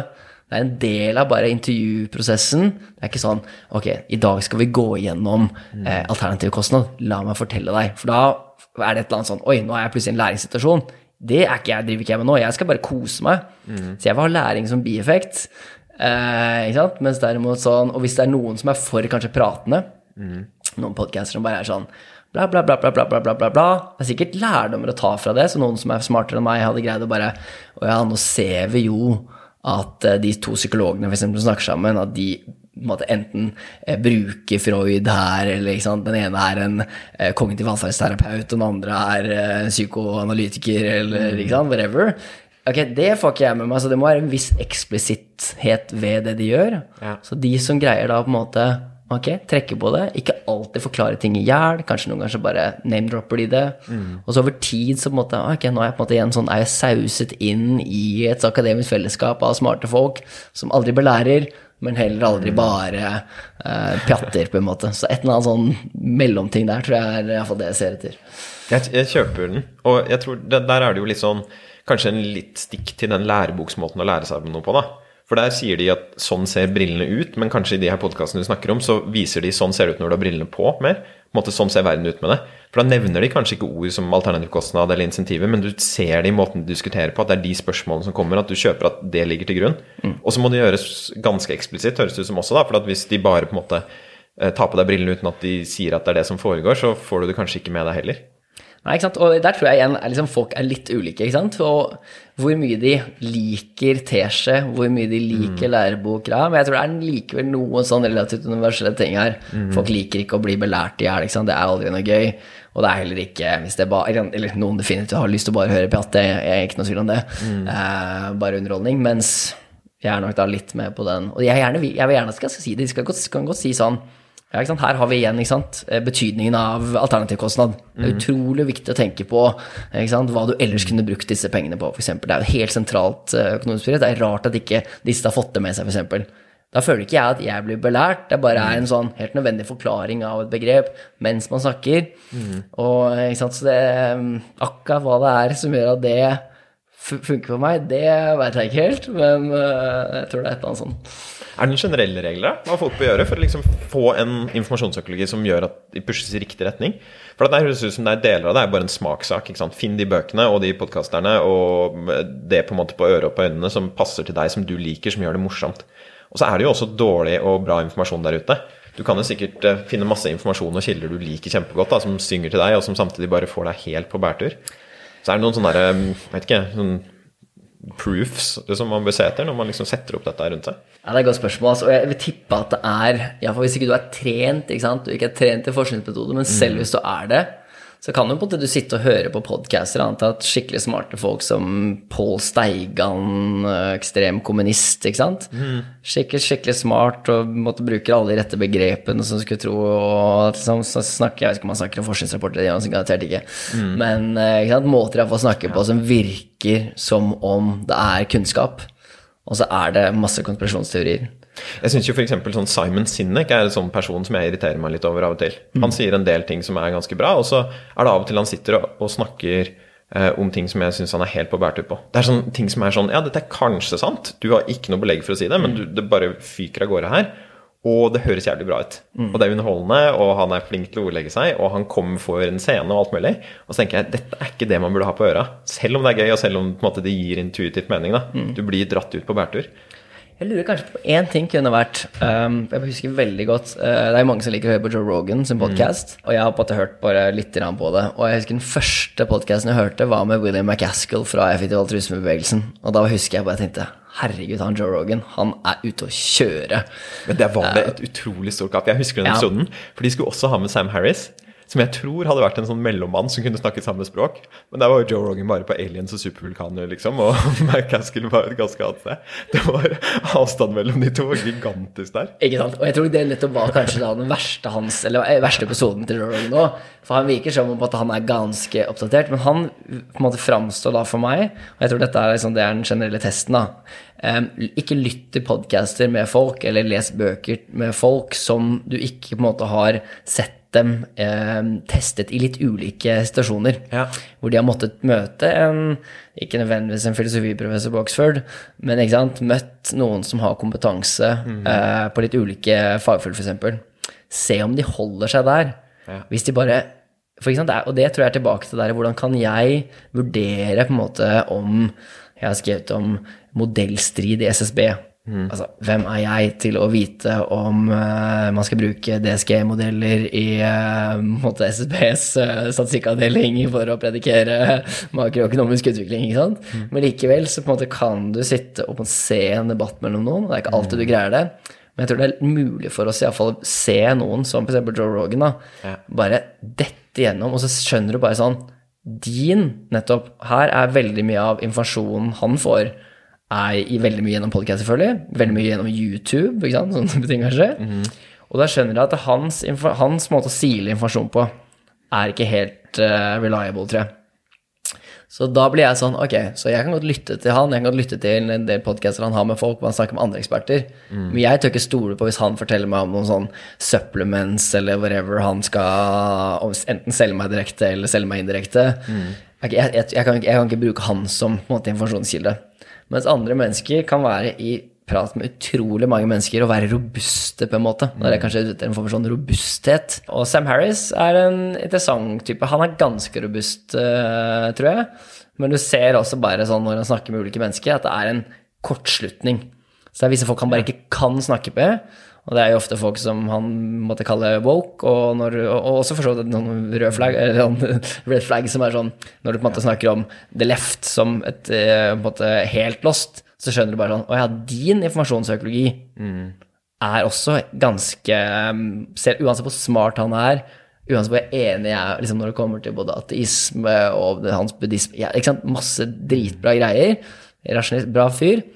Men hans informasjonsøkologi er skjev. Han, har han får ikke bilde av USA, på en måte. Eller heller ikke bilde av verden på Og har en bias. Han avslører sin bias gjennom mange, eh, gjennom mange intervjuer med, alle- med ulike folk. Så det tror jeg i hvert fall er en måte å på en måte teste folk på, da, og finne ut på en måte, okay, hvem er det jeg kan stole på. Men igjen, det krever jo at du er den på en måte som På et eller annet sted så er man tilbake til dette intensjonelle voksenliv-greiene, hvor man Det stopper hos deg, hvor man greier å ta den vurderingen. Stoler jeg på dette her? Virker dette her solid? Hvorfor detter denne personen gjennom i denne situasjonen her? Det er veldig kult, fordi at det er jo Jeg tror du har veldig rett der. Og dette her hadde vært en veldig fin ting hvis vi kunne hatt en sånn Det er et veldig godt insentiv til folk som skal tenke på ting offentlig også, og si at dere må putte dere i masse situasjoner. Og prøve dere ut, sånn at vi kan se robustheten deres. For jeg tror det er en del som klarer å bare gjemme seg i, i der hvor de er veldig komfortable, og bare spille det spillet der. Så, og jeg tror en sånn som Ehm, som jeg ble tenkende på nå, en som Tony Robins, f.eks. Som jeg egentlig tror er ganske smart. Når jeg leser bøkene hans, så kjøper jeg mye av det her. Selv om han er, han er jo en sånn selvhjelpsguru. Men han er nok en fyr som veldig ofte er på arenaer hvor folk vil heise han opp og er på laget hans. Og jeg tror ikke jeg har sett han testet så mye. Og det hadde kanskje vært en veldig god ting hvis det, har, hvis det hadde vært sånn at folk hadde en forståelse av at hvis jeg skal snakke offentlig, så må jeg være i en testarena, ellers gidder ingen å høre på meg. For da ville du kanskje fått den avsløringen. Det er veldig bra, og jeg tror det minner meg på For sant, vi er nok begge sant? Vi er, på en måte liker pop-hit-biten. Vi måte lar oss motivere av det, vi får ideer fra det, og vi tar det inn i vårt eget liv. Og jeg tror det er et veldig sånn Den måten å være på er både veldig gøy, og jeg tror den er veldig konstruktiv. Ikke sant? Og så på en måte prøver vi å tenke ok, hvordan kan dette gjøres bedre, hvordan kan vi bli bedre, få til, ikke sant? ta liksom sånne forbedringsprosjekter. Fylle livet vårt med mening, muligens, uh, iallfall noen ganger, men som også på en måte gjør at vi leser opp nye ting. Men jeg tror det vi trenger, ikke sant, og du tar jo doktorgrad, og ikke sant? den der kombinasjonen av å lese det popvittet, pop, eller popvitten, og så på en måte sjekke den Yes. opp mot forskningen. Og være litt sånn Forskningen er alltid altfor kjedelig. ikke sant? Så det er sånn der Ok, dette her på den ene siden, på den andre siden. Eh, masse caveats. Ok, dette er bare testet her. Jeg måte, vi vet ikke om den eksterne validiteten til denne forskningen er så god, bla, bla, bla. Ikke sant? Men at man iallfall, når man, man lar seg begeistre, kjenner på ideene, og så går man tilbake Ok, holder dette mål? Og spesielt sånn inspirational når det kommer til sånn um, Og der har jeg nok noen sånne ting som jeg bare tenker sånn Folk som forteller om hvordan du skal få businessen din til å gå bra. Da, da er det sånn Det er sånn red flag for min del. Um, for der har jeg på en måte lest både nok ledelseslitteratur, og jeg vet på en måte at her igjen insentivene i denne informasjonspsykologien er ganske dårlige. Masse sånne her behov for å ikke sant? Eller få Kjetil André Aamodt til å komme på, eh, på julebordet, hvor han skal fortelle hvor viktig det var for han å stå opp hver dag, hver morgen. Alle bare 'Faen, dette var jævlig inspirerende', og så er det kommer mandagen, og så bare Ok, er det noen som har endra liksom, noe de ikke sant? Det skjer aldri, ikke sant? Der har vi flere grunner til å være veldig skeptiske, tror jeg, da. Så lærer man kanskje over tid, ikke sant. Sånn, ok, ikke lytt til de folka der, de blir trasha Les, eller se på Folkeopplysningen og finne Ja, ut hvilke ting som fint, altså. Ja, ikke sant. Jeg tror den der, kanskje en sånn sykling mellom de to, eller veksling mellom akademisk litteratur og poplitteratur, er kjempegod. For jeg, jeg tror det er sånn der jeg har lest på en måte Tony Robins også, og sett at oi, her er det ganske mye som overlapper.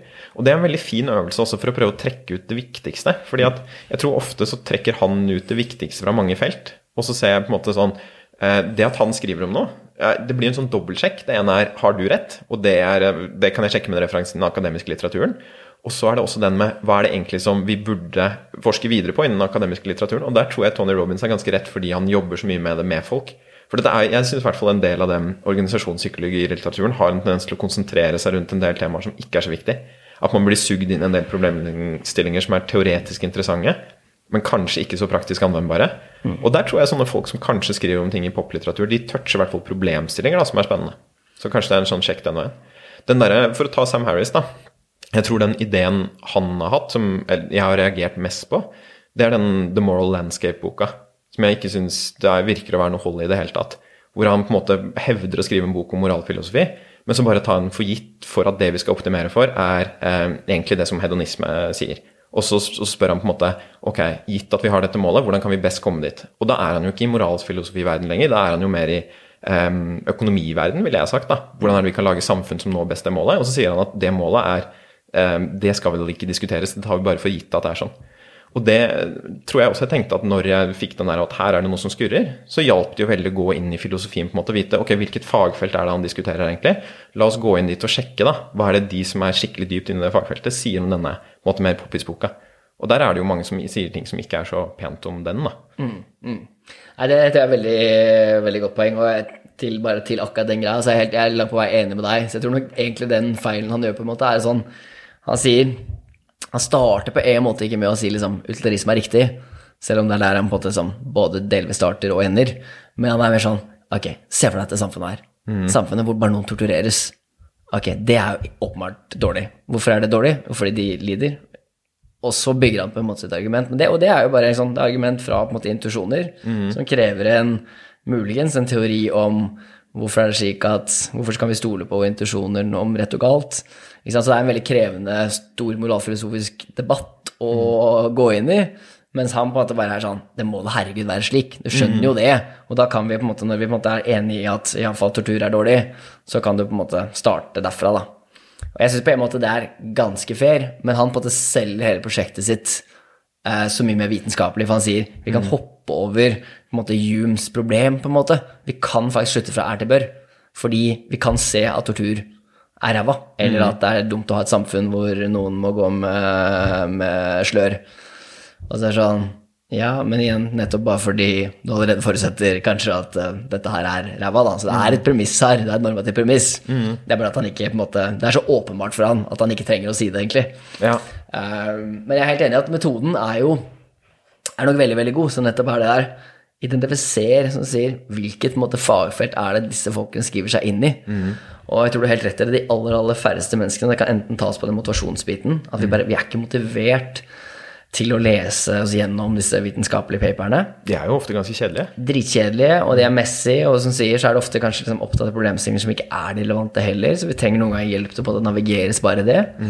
Men så er det også det, altså, vanskeligheten for et enkeltmenneske å greie å navigere i eh, på en måte forskningslitteraturen. Og jeg syns det der var utrolig Apropos eh, når vi er i sånn podkastverden, så bare en annen sånn Joe Rogan-episode som på en måte synes jeg bare satte ting veldig på spissen eh, når det kommer til dette her med hvordan, hva er måte, den ideelle måten for hver enkelt å prøve å på en måte, måte gjøre seg opp en mening? Og jeg har sagt at sant, det finnes mange gode argumenter for nettopp selv om man vil være litt på bærtur. Eh, det er bedre å lytte til eh, klimapanelet enn å prøve å finne det ut selv, kanskje. Men at det likevel kan være gode grunner for å likevel prøve de aller fleste ganger. Men der er det, etter denne, veg altså denne veganerpropaganda-Netflix-dokumentaren, Game Changer, Ja. hvor, og så sitter det en fyr som sitter tre timer eh, på podkasten til Joe Ro- Rogan og slakter den dokumentaren. dokumentaren. Og han er bare helt rå. Han er sånn som ikke sant, de siste metastudiene, bla, bla, bla, kommet til 2019, eh, den sier det, det her. Og han liksom går langt ned i på en måte mekanismene. Så du tenker sånn Han fyren her, han må være ikke sant, mest sannsynlig ernæringsprofessor. Eller I, I don't know, liksom. Men det er utrolig på en måte imponerende. Og så, eh, Men ikke sant, den boka, eller den dokumentaren blir slakta. Du tenker ok, jeg kan ikke stole den dokumentaren i det hele tatt. Som i seg selv så veldig bra ut også. Eller som var, altså når jeg så den, så tenkte jeg det er en bra dokumentar. Nettopp, ikke sant? Og, og der merket jeg at jeg var med begge stegene, at jeg endret mening i stegene også, som er litt sånn skremmende for min egen del. da. Jeg hoppet etter dokumentaren til konklusjonen at nå må jeg bli veganer, gå all out her. Og så gikk jeg til den podkasten og tenkte nei, dette var bare tull. Nettopp, ikke sant? Og så kom denne eh, dokumentaren som var på en Yes. måte samledokumentaren, hvor han, var, eh, liksom, han var ikke direktøren der, han var ikke regissøren av dette her, men han som var på hovedpersonen i den Game Changer. Ja, de var med i en episode sammen. Ja, ikke sant? Rogan? Hvor de Ja. satt og diskuterte dette her. Og hvor da på en måte egentlig han ernæringsfyren som viste å ha mastergrad i fysioterapi, uh, han kom på en måte best ut av det, syns jeg, likevel. For han, han kunne mest. Han kunne mest om paperne. Han kunne mest om mekanismene. Eh, han kom med gode argumenter. Han der andre var en på en liksom bølle, han der fyren. Selv om han også sa sånn 'Jeg har lest uh, titusener av papere og sånn'. Men han drev og henviste til autoriteter hele tiden. Han var sånn 'Du, jeg har snakka med folka på Harvard, og de sier dette her'. Eh, du har jo en mastergrad i fysioterapi. Så, ikke sant? Det var sånn, bare sånn appeal to authority.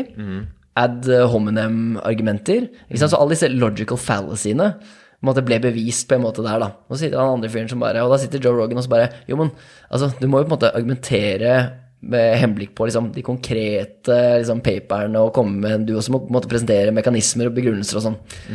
Men så ble jeg bare overbevist i løpet av den der samtalen bare Det smarteste å gjøre i en sånn situasjon, er næringsforskning. Drit, masse messy greier, ikke sant. Han har snakka med alle disse ulike forskningsmiljøene, som én vet at 60% av studiene er eh, bestilt av industrien, kjøttindustrien. Det er jo ikke lett å få med seg hvis du skal sitte og på en måte gå gjennom alle paperne. En ting hvis du, altså du, kan, du trenger forskningskompetanse, på en måte, forskningsmetodisk kompetanse for å vurdere det, men bare Ok, selv hvis du på en måte kan se på alle paperne, så har du fortsatt måte Du ser på feil ting, fordi de kan være laget på feil måte. Mens derimot de som er i feltet, tilbake til dette med taus kunnskap? De sitter på masse taus kunnskap som de kan formidle, men som da igjen, vi, folk, vi som står utafor, må bare tenke Ok, jeg satser heller på at de folka på Harvard, verdens beste universitet, veit hva de driver med. Ja. Men ikke sant, så snakker du med andre. Jeg var jo på Harvard en liten periode. Snakker med en kompis her som jobber tett på ernæringsfolka på Harvard. Og han bare De folka har ikke peiling. Ok, han og, er- og han virker som en fyr som har peiling? Ja, ikke sant, Så han er en metodesnobb, da. Ja. Ikke sant, metodesnobb som mener at eh, selvfølgelig sikkert nesten ikke noe ernæringsforskning på at det er godt nok til å vite noe som helst, egentlig. Av masse ulike grunner, ikke sant. Eh, og da er det sånn så det er liksom, det er det som er litt sånn tricky i hele den greia der, at på et eller annet vis så må du stole på autoritetene, fordi de har så mye med kompetansen der, og du greier ikke å sette deg inn i alt det. På en annen side så gjør de feil hele tiden. Eksperter er jo innenfor sine egne bobler, driter seg ut, tror på veldig mange rare ting. Så det er en veldig sånn Ja, det, det er ikke noe helt sånn klart hva, hva du er rettferdig til å gjøre i de situasjonene. Jeg tenker En ting der er jo å velge sine kaninhull med omhu. Og at man kan ha noen kaninhull i livet sitt liksom, som går dypt, og som du kan grave i, og som du kan gjøre denne jobben. Men det er ikke så mange du egentlig kan ha sånn i. Da må du nesten ha det som jobb eller karriere, eller som en veldig sånn sterk personlig driv. da, At du faktisk nyter å gå ned det kaninhullet der. Og så kan du jo også tenke at du gjør det litt sånn for gøy og eh, for å utvikle tenkningen din, og for at det kan være en fin ting å holde på med. Men hvis du på en måte tenker du har som mål om å virkelig forstå det spørsmålet her, hva er det vi egentlig bør spise? Um, da, da tror jeg du har en stor stor jobb for deg, altså, som går langt utover å se de dokumentarene og høre på podkastene, som i seg selv, da, ikke sant, med, med de der Joe Rogan-podkastene som tar tre timer hver, så er jo det ganske en sånn formidabel jobb, det også. da. Og så var det, det som var fint der, var jo at de var enige om ganske mye. Og det tror jeg er en fin ting når man hører på sånne typer podkaster, å se ok, hvor er det de diskuterer her, og hva er det de på en måte i en bisetning har nevnt at det er vi enige om. For de sa jo f.eks. i den der med at å ha en plantebasert kosthold er det, det er den beste tingen, liksom. Og eh, hvis det, det på en måte Skal du ha bitte litt kjøtt, eller skal du ikke ha noe kjøtt? Der var det masse uenighet. ikke sant? Og har du belegg for det, og liksom de lærde strides og bla, bla. Men det er jo ganske mye der som, som er kanskje det du trenger, da, som, som du kan se hvis man ikke bare fokuserer på uenighetene, men fokuserer litt på enighetene, faktisk kan ta ut og se at her er de enige. Ja, det er et veldig godt poeng. Og jeg tror det er andre ting som, jeg lurer på, liksom, som gjør at noen av de diskusjonene blir vanskelige, er at jeg var jo, som du nevnte i innledningen, så min første, vel nesten første ting som jeg skrev Min andre ting Første ting jeg skrev også i offentligheten, var faktisk også om slanking og, um, Ja, det var spising. frokost, var det ikke det? Ja, det var i 2010, men jeg hadde en visstnok tidligere kritiserte um, Abid Raja i Morgenbladet, for han hadde gått på diett og skrøt veldig om hvordan eh, mange måltider økte forbrenningen og sånne type ting. Hvor jeg var sånn Nei, det stemmer ikke. Ja. Så det var mitt første innlegg. Så mitt andre innlegg, nesten. Så du var på vei til å bli Eh, sånn matinfluenser? ja, ja, ja, ja. Det var på en måte det jeg Jeg tror det er interessant i seg selv, for det er sånn Jeg brukte jo så mye tid, slutten videregående, tror jeg, starten av eh, universitetet, på å sitte på sånn ulike treningsforum. Som ble epistemisk revolusjonert. For da var det sånn en liten periode, så halve tiden min, så satt, det- var det masse folk som var sånn Ok, eh, vi må spise Fordi protein, altså kroppen din tar ikke opp protein, mer enn 45 gram protein hver gang.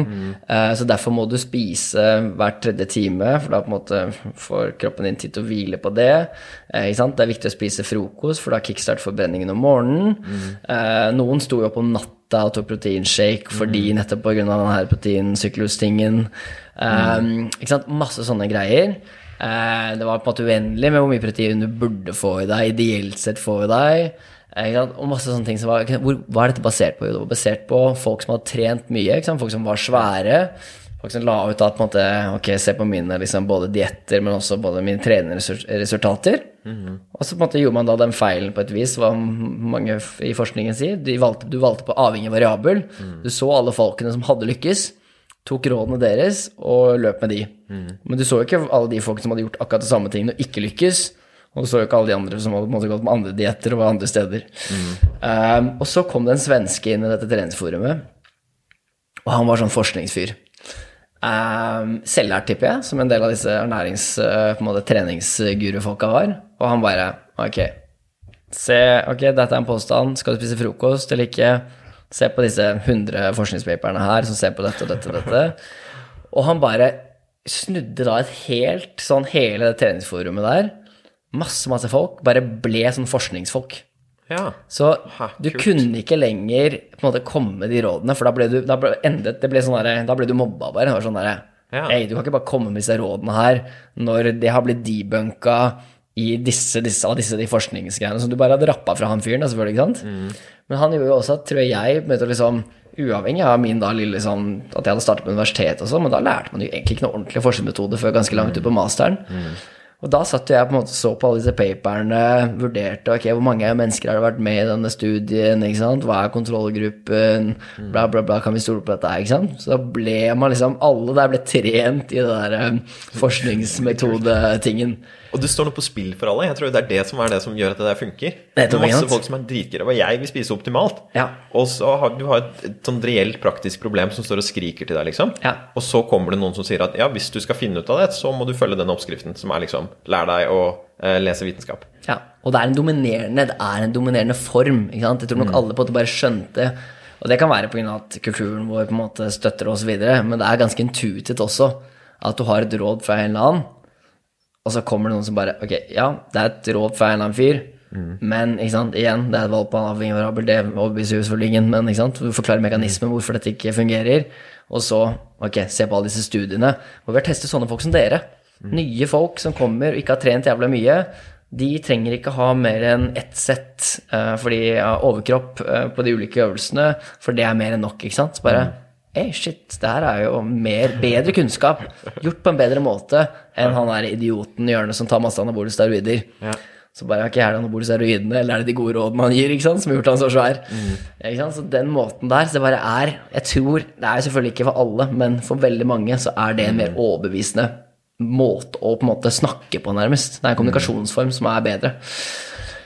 Men da ble iallfall jeg overbevist over lang, lang tid. Da. Bare sånn, herregud, dette her, altså Dekningen for at vi bør spise frokost, den er jo helt uh, ute. Det er jo er ikke god forskning for det i det hele tatt. Kommer ut i Aftenposten med kronikk, får tilbake får selvfølgelig kritikk uh, for dette her, eh, både det ene og det andre.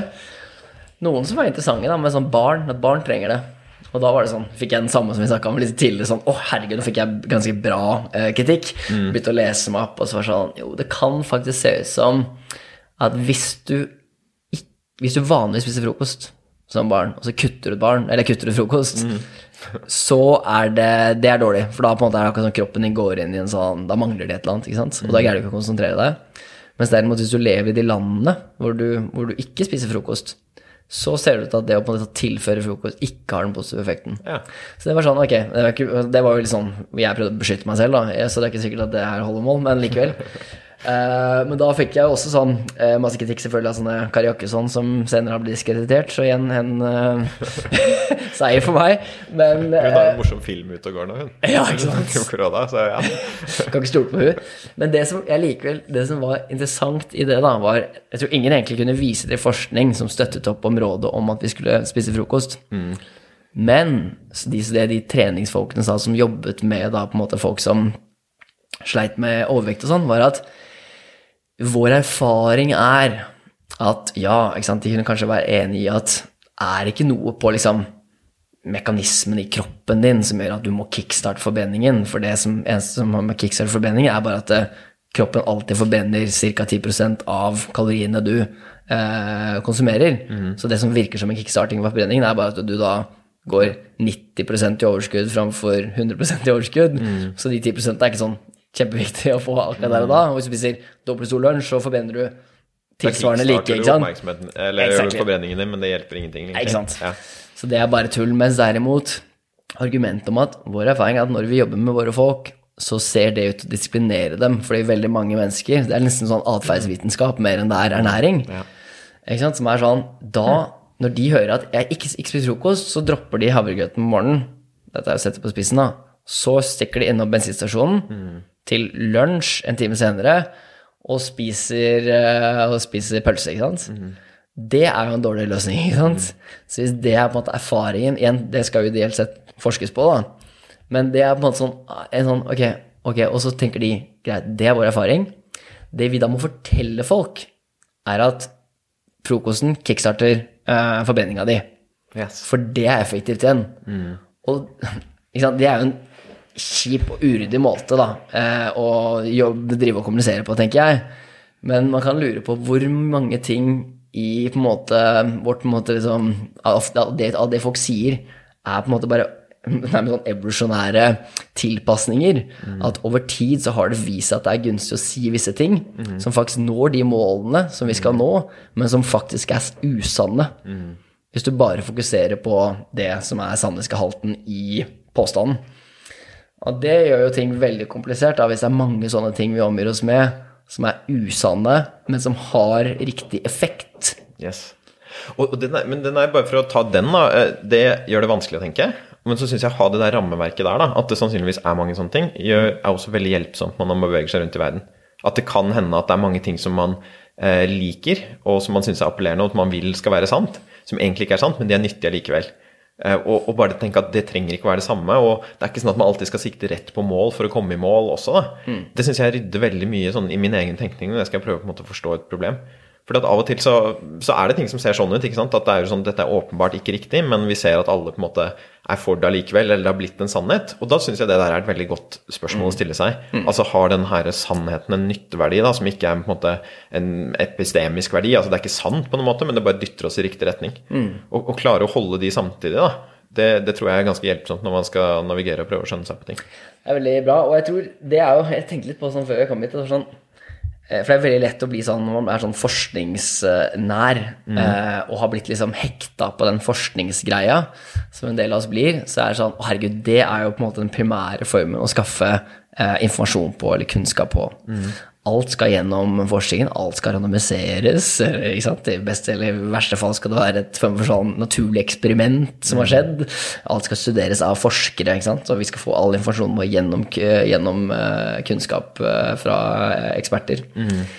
Men så har vi på en måte en annen sett med på en måte ideer, kan man si, som er det derre ja, Hvor nyttig er det ikke med f.eks. å tenke som en bayesianer? Eh, hvor nyttig er det ikke å ha begreper som insentiver, eh, alternativ kostnad, eh, taus kunnskap, som jeg bruker hele tiden, men som jeg på en måte lurer på liksom, Ok, så dette her er begreper regression to the mean, ikke sant? andre, ikke sant? så du har begreper fra statistikk, økonomi, statsvitenskap, sosiologi, Goffman, ikke sant? backstage, frontstage, ikke sant? masse ting og jeg, på at det, som jeg bare forstår verden gjennom, men som ikke kommer på en måte Det er på en måte forskningsbegreper. Men det er ikke sånn at jeg da liksom er sånn eh, eh, Som eh, paperet som ble gitt ut i 2015 eh, forteller oss. Det er mer eh, måter enn briller, ikke sant, som vi snakket om. Og det er briller som man på en måte kan bruke til å se på verden. Så jeg tenkte sånn Det er, betyr det da når du sier at de ikke kommer fra et paper, så er det egentlig ikke ting som Er det ikke empiriske spørsmål, eller er det på en måte at de ikke er empirisk validerte, egentlig? ja, sant? At det er mer sånn grunnleggende rammeverk som er førempiriske, liksom? Vi må ta de på før vi kan begynne med noe empirisk forskning? Ja, det, det er et veldig godt spørsmål. Det tror jeg kanskje en del av dem er. ikke sant? Og noen av dem er jo på en måte metaforer på et vis. ikke sant? Ta for eksempel eh, Irving Goffman sin sånn frontstage backstage. Han var jo på en måte utrolig inspirert sånn, av teater, ikke sant. Og bare Ok, det gjør vi jo hele tiden. Vi har en frontstage. Vi på en måte står og lager masse mat på kjøkkenet. eh, vi skjeller ut kona og bare faen, nå kommer gjestene snart. Og det er backstage. ikke sant? Alt er kaos. Og så rydder man og styrer på, og så sier man hei, ikke sant? her er vi, og vi gjør Alt er bra. Uh, og sånn driver vi hele tiden. ikke sant? Vi går backstage og uh, onstage. Og det er klart det går jo an på en måte å forteste den hypotesen på et vis. Men den er nesten så altomfattende, den teorien, at den vil være sånn hvis det da viser seg at vi ikke er så backstage, så er vi der nesten sånn at vi er onstage for oss selv, og så, ikke sant? så havner man i noe Freud-greier. um, og sant? ideer om alternativkostnad. Ikke sant? Dette er penger som du brukte på det, men du kunne ha brukt det på noe annet. Det er altså en veldig basic ting som på en måte ja, er vel gitt, egentlig. Det er ikke, måte, det er ikke empirisk eh, ting. Det er på en måte tautologiske, nærmest, eh, gitt av teorien vår. Eh, men så bare, altså, den må bare være sant, da. Hvis du har 100 kroner, og du bruker dem på det, så var det 100 kroner mindre å bruke på det her borte. Hvis ikke penger har en multiplikativ virkning osv. Men ikke sant? Så, um, og de tingene er jo da sant, bekreftet igjen og igjen på et vis. De tas for gitt innenfor disse fagdisiplinene. Samme kan sant, ta sånn system 1, system 2, som nå alle refererer til. Kanemanske begreper, men igjen, dette går way back, ikke sant. Så all den her har jeg tenkt mye på. Jeg har vært så forelsket i sånn nudging-forskning. Eh, forskning som viser om vårt intuitive system, hva det gjør feil, hva det ikke gjør. Så tenker man sånn, fy faen, så bra at Kahneman og Tversky på en måte revolusjonerte økonomifaget gjennom sine psykologiske innsikter. Så bare, bare løft blikket lite grann. Det at vi noen ganger er på en måte ikke er fullstendig på en måte rasjonelle, et skrivebordsmodell, eller at vi ikke kan kalkulere statistikk liksom, mm. på to sekunder. Altså, hvem trodde det? Vi har begjærer, vi er på en måte drevet av disse drivkreftene. Noen ganger er vi fornuftige, andre ganger er vi ikke det. Det er på en måte ting vi liksom Vi visste. Men igjen, vi trenger begrepsparene. Vi trenger å tenke Å ja, nå er dette her Nå merker jeg drev, drivet, drevet av begjæret. Eller drevet av Og dette gikk for fort, på en måte. Ok, her trengte jeg på en måte kicke inn litt mer system 2-tenkning. Andre ganger er det motsatt. Vi kan faktisk stole ofte på magefølelsen vår. Når er det vi kan gjøre det? Ikke sant? Så at man bruker de begrepsparene for å på en måte strukturere hverdagen sin. Men akkurat igjen, der er det ikke, måte, land, ikke helt landa det, tror jeg. Sånn, når er det man skal bruke de, og når er det man skal på en måte si nei, vent, jeg må sjekke forskningslitteraturen. Og det er mulig at det er sånne ting som man bare aldri er. Hva du skal gjøre i ditt liv. Eller mitt sånn, jeg husker I, i, liksom, I alle tilfellene, de Ja, så praktiske problemene vi finnes, står overfor. Finnes jo aldri, det er aldri forskning på hva er det Aksel bør gjøre i morgen, på en måte. Nei. Eller har Aksel covid? Ja. Uh, og da husker jeg sånn, hun var i USA da på det tidspunktet og hadde vært på sånn helvetes fest rett før dette her, og Mm. både jeg og kjæresten våknet opp med sånn Våknet opp med sånn utrolig sånn vondt i nakken og hele pakka. Så bare sånn Nei, det her må være covid. Og så var det litt sånn Ok, la oss prøve å liksom bruke litt sånn Kahneman-tenkning, da. Hva tror vi er liksom baseline-raten av spredning av covid nå i Massachusetts eller i Cambridge? eh, ok, si den er på 1% da, kanskje. 2 Det kan strekke litt. Grann. Hva er sannsynligheten for at liksom, de folkene vi var med, da Og der hvor mange mennesker møtte vi? Vi møtte så og så mange mennesker. Ok, til og med liksom, Legger du godvilja til på alle de greiene der, så skjønner du sånn Å ja, kanskje er din på en måte da rate er sånn 7 Mens derimot det å våkne opp med vondt i nakken, så er det sånn 100% covid. Helt åpenbart. Fordi du ikke gikk veien om en form for sånn Ok, la oss legge baseline-raten til grunn uh, før du startet å tenke, da. Enig. Jeg tror det derre De begrepsparene er ganske sånn nyttige. For der er det liksom der grunnleggende modeller for å tenke, egentlig. da. Det kunne jo egentlig vært sånn gøy å gå inn og se på liksom hva er de nyttigste måte sånn modellene som hjelper deg å tenke. altså sånn grunnleggende modeller. Jeg tenker sånn For min egen del så tror jeg at um, evolusjonsteori er noe som hjelper meg ganske mye å tenke. Både sånn for hvorfor mennesker er det som de gjør det gjør, men også når er ute og ser på naturen og sånn, så er det fint å ha det som et sånt rammeverk for å bare skjønne liksom, ok, det kan jeg putte ting inn i, og hvis ting bryter med det eller ikke passer med det, så er det noe rart på ferde. Da har jeg på måte, da er jeg tjent med å være litt mer sånn skeptisk.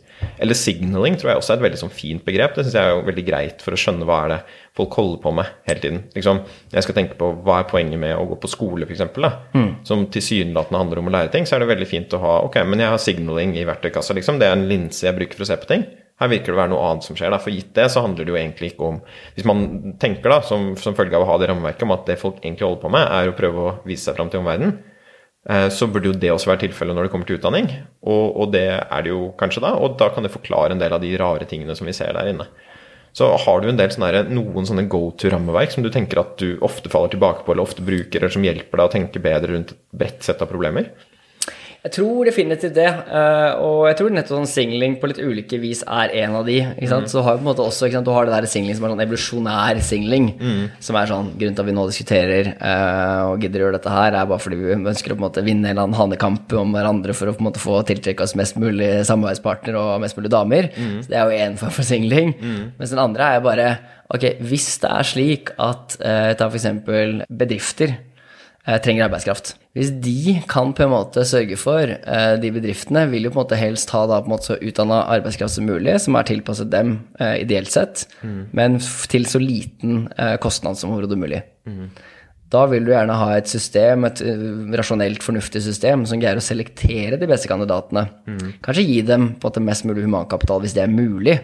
På en måte investere mest mulig generell kunnskap inn i de, som igjen ideelt sett er rettet mot de bedriftene, men det er vanskelig, for de konkurrerer mot hverandre, så da blir det generell kunnskap. Mm.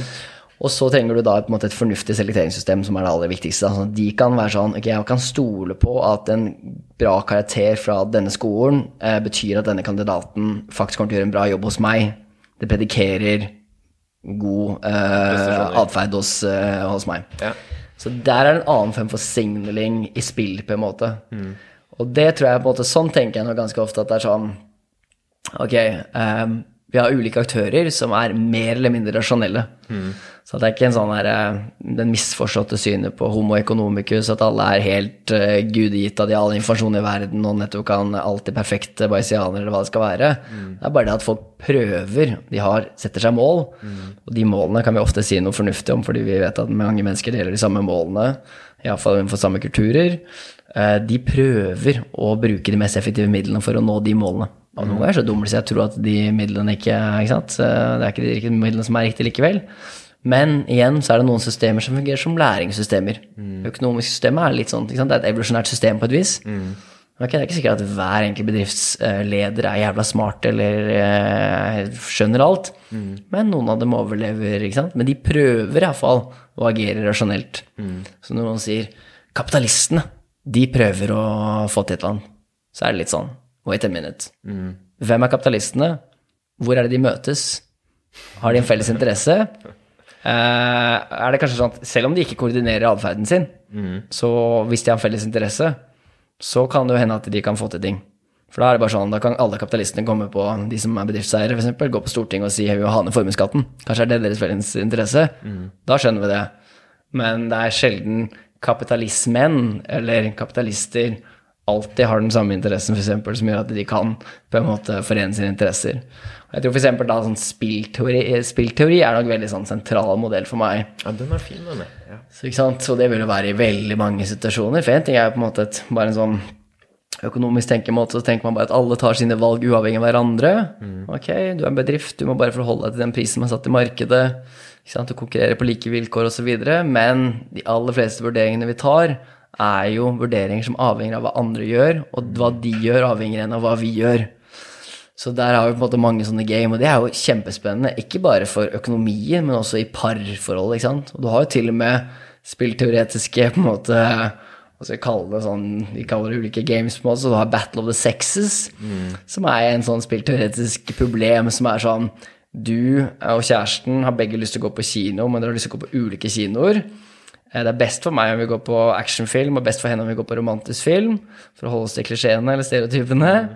Eh, Men begge vil heller se filmen med den andre, selv den suboptimale filmen. Jeg vil heller se romantisk film med kjæresten enn å se min actionfilm alene. Og da har vi et spill hvor på en måte det er i begges interesse på en måte gjøre et eller annet smart for å få liksom lurt den andre over. Og da er det sånn, hvordan er det vi som par kan løse de Battle of the Sex-problemene? Kanskje velger vi en løsning som er annenhver gang. Så bestemmer du, ikke sant. Og det er jo et veldig trivielt problem vi skal løse på en måte. Mens, og det å på en måte tenke i spillteoretiske former, klimaproblemet, et vanvittig stort fangestilemmaproblem et kollektivt handlingsproblem, det er individuelt rasjonelt for hver enkelt stat, hvert enkelt menneske, å tenke alle de andre løser problemet. Og ikke bare det, selv om du, hvis du løser problemet selv, hvis du ikke kan ha tillit til at andre kommer til å være med på den løsningen, så er du bare en sucker. Så hvordan er det vi kan designe systemer som unngår at vi er suckere, og jeg har vært veldig opptatt av velferdsstatspolitikk f.eks. Hvordan kan vi sørge for å ha systemer som bare, Det er jo helt absurd når man bare tenker på det. Vi har et system som gjør at når noen mister jobben, eller blir sjuke, så kan de på en måte Vi kunne sett for oss at det er en diadisk ting, at det bare er mellom deg og den personen. Du betaler 50% skatt. Si at du tjener en million, betaler 500 000 i skatt, da. Og så kommer det en annen fyr og bare Du, jeg mista jobben, jeg. Kan jeg få 500 000, eller? Så bare over, Jeg skal bare overleve det neste året. Du bare Hell no! Og i så fall, hvis, jeg, hvis det skal skje, da skal jeg ha så jævlig Jeg skal med sikkerhet vite at du går og søker jobb hver dag, og jeg kommer til å være på ryggen din. Ikke sant? Mens vi har laget et system som på en måte Vi har en følelse av at det der er rasjonelt. Det er noen som passer på. ikke sant? Nav er å følge med litt, eksempel. Eller vi har et eller annet system som gjør at vi har en følelse likevel at de prøver hardt så hardt de kan. Kulturell forestilling, kanskje. Måten media skriver om det, mest sannsynlig. Men også kanskje noe hvordan velferdssystemet er lagt opp, som gjør at vi har tillit til de eh, som mottar. Så hvordan kan vi designe systemer med noen ganske grunnleggende på en måte menneskemodeller og da spillteoretiske innsikter? Eh, Det er eh, noe jeg gjør ganske ofte, tror jeg. Jeg tror akkurat den, for jeg syns også spillteori er veldig fin, og jeg syns den er veldig god sånn med å starte med å tenke på klimaproblemene, akkurat som du sier da. Sånn, for man får jo, Det kommer jo ofte til det spørsmålet sånn Vi ødelegger jordkloden, hvorfor gjør ingen mer? på en måte? Og der er det jo bare ikke sant, det er spillteori. Altså Din innsats er, er veldig liten på marginen, og folk er på en måte egeninteresserte.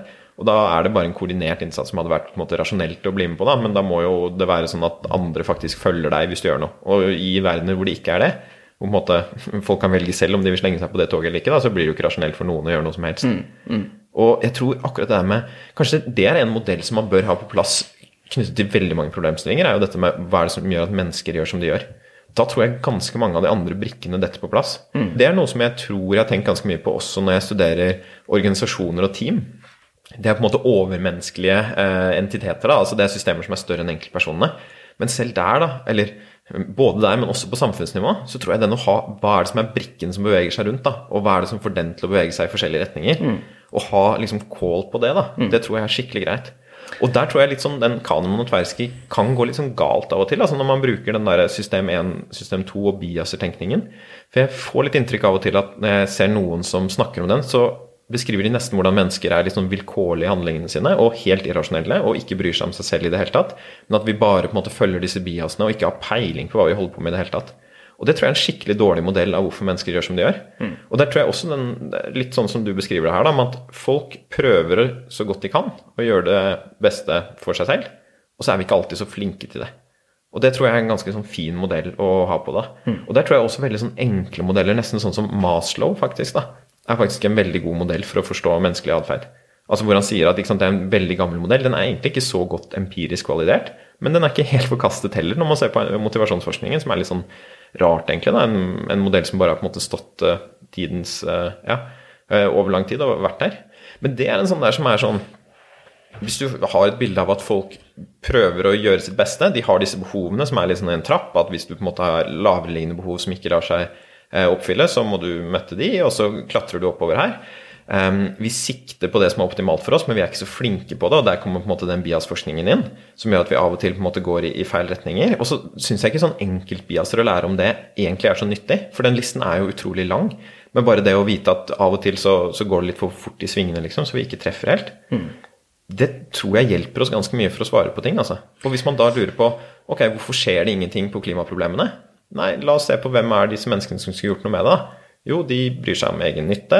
Her er Maslows pyramiden deres. Det er ikke noe på en måte fremtid om 100 år som finner sin plass inni den. Da. Og da ligger det at hvis vi skal løse problemet, så må vi finne et eller annet system som klarer å koble det folk er interessert i selv, med de løsningene vi trenger på samfunnsnivå for å løse det problemet. Mm. Og jeg tror den modellen der ja, nei, jeg tror man kommer egentlig ganske lengt med å ha den der på plass. altså. Helt enig. og ikke sant, Kanskje kan lete etter nettopp, Hvis vi greier å få en god på en måte menneskemodell, og vi på en måte putter det spillteoretisk på toppen, på en måte, så har, på en måte, er, vi, er, vi, kommet ganske langt. da, og Det er det som er det fattige. Jeg er jo veldig forelsket i på en måte, økonomisk måte å forstå verden på. Mm. Men, og Kanskje fordi det er liksom nyttig, det er på en måte praktisk, men det er også jævlig fattig. For det er sånn Ok, hvor kom preferansene fra? Ja. Ikke sant? Folk skal satt, måtte tilfredsstille sine preferanser, slik vi ser at de gjør ved å kjøpe eple istedenfor appelsin. Mm. Men det er sånn Ok, hvorfor vil de kjøpe eple og ikke appelsin? Mm. Eh, liksom? Hvorfor bruker de masse masse penger på å få større og større hus? Hva er greia, liksom? Og det er der igjen han er Robert Frank, som er da kanskje en av mine yndlingsøkonomer, som er veldig opptatt av begrepet om atferdssmitte. Ja.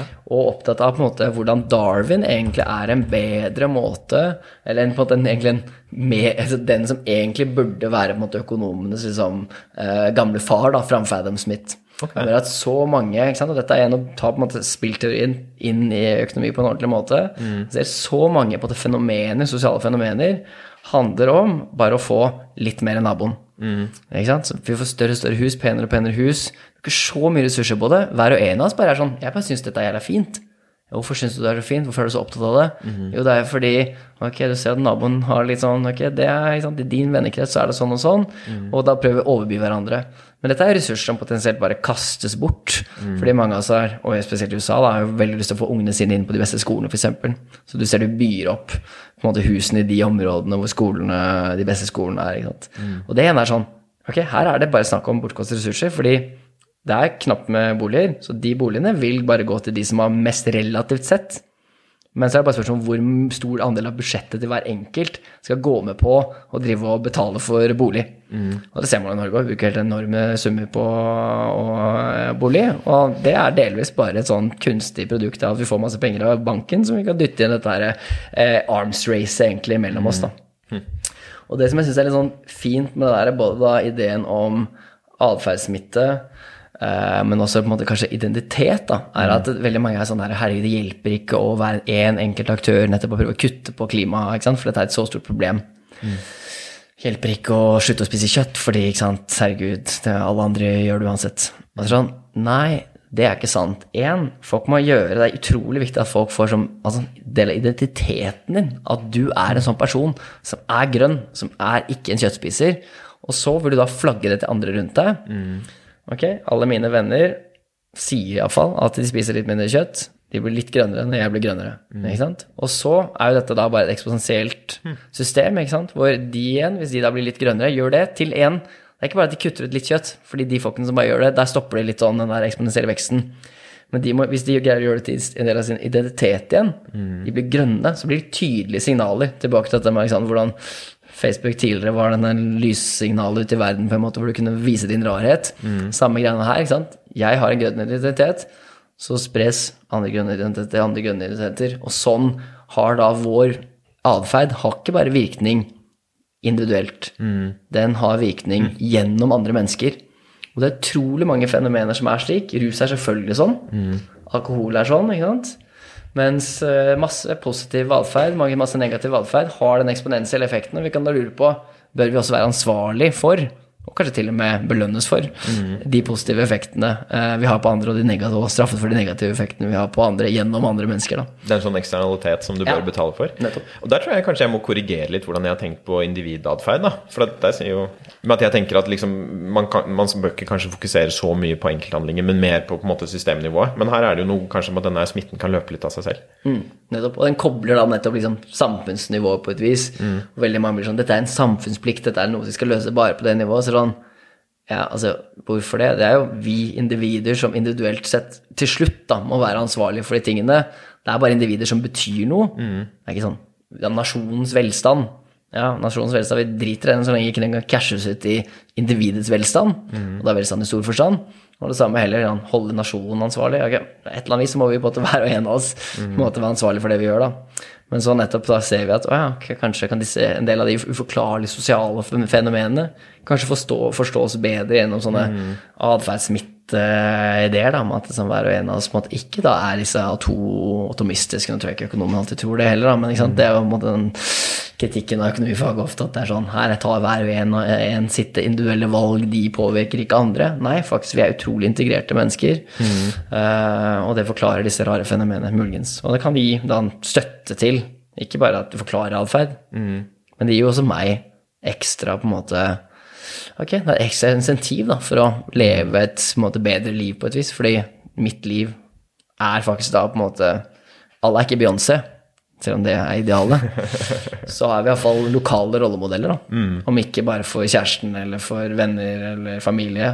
Og noen har en enda større plattform, og jo større plattform du har, jo mer ansvar har du for å være en god rollemodell. Da. Og sånn tror jeg man kan også tenke både på hvordan man tenker selv også, og liksom også kanskje ditt bidrag til andres informasjonsøkologi også, da. Og tenke at liksom, ja, det handler litt om din individuelle tenkning, men det sender jo også en del signaler om hva du forventer av andre, og, og, og det at man også kan være til hjelp for at andre kan up sin tenkning også. Vi snakket jo litt om hvordan andre kan hjelpe din, men det går jo veldig begge veier også.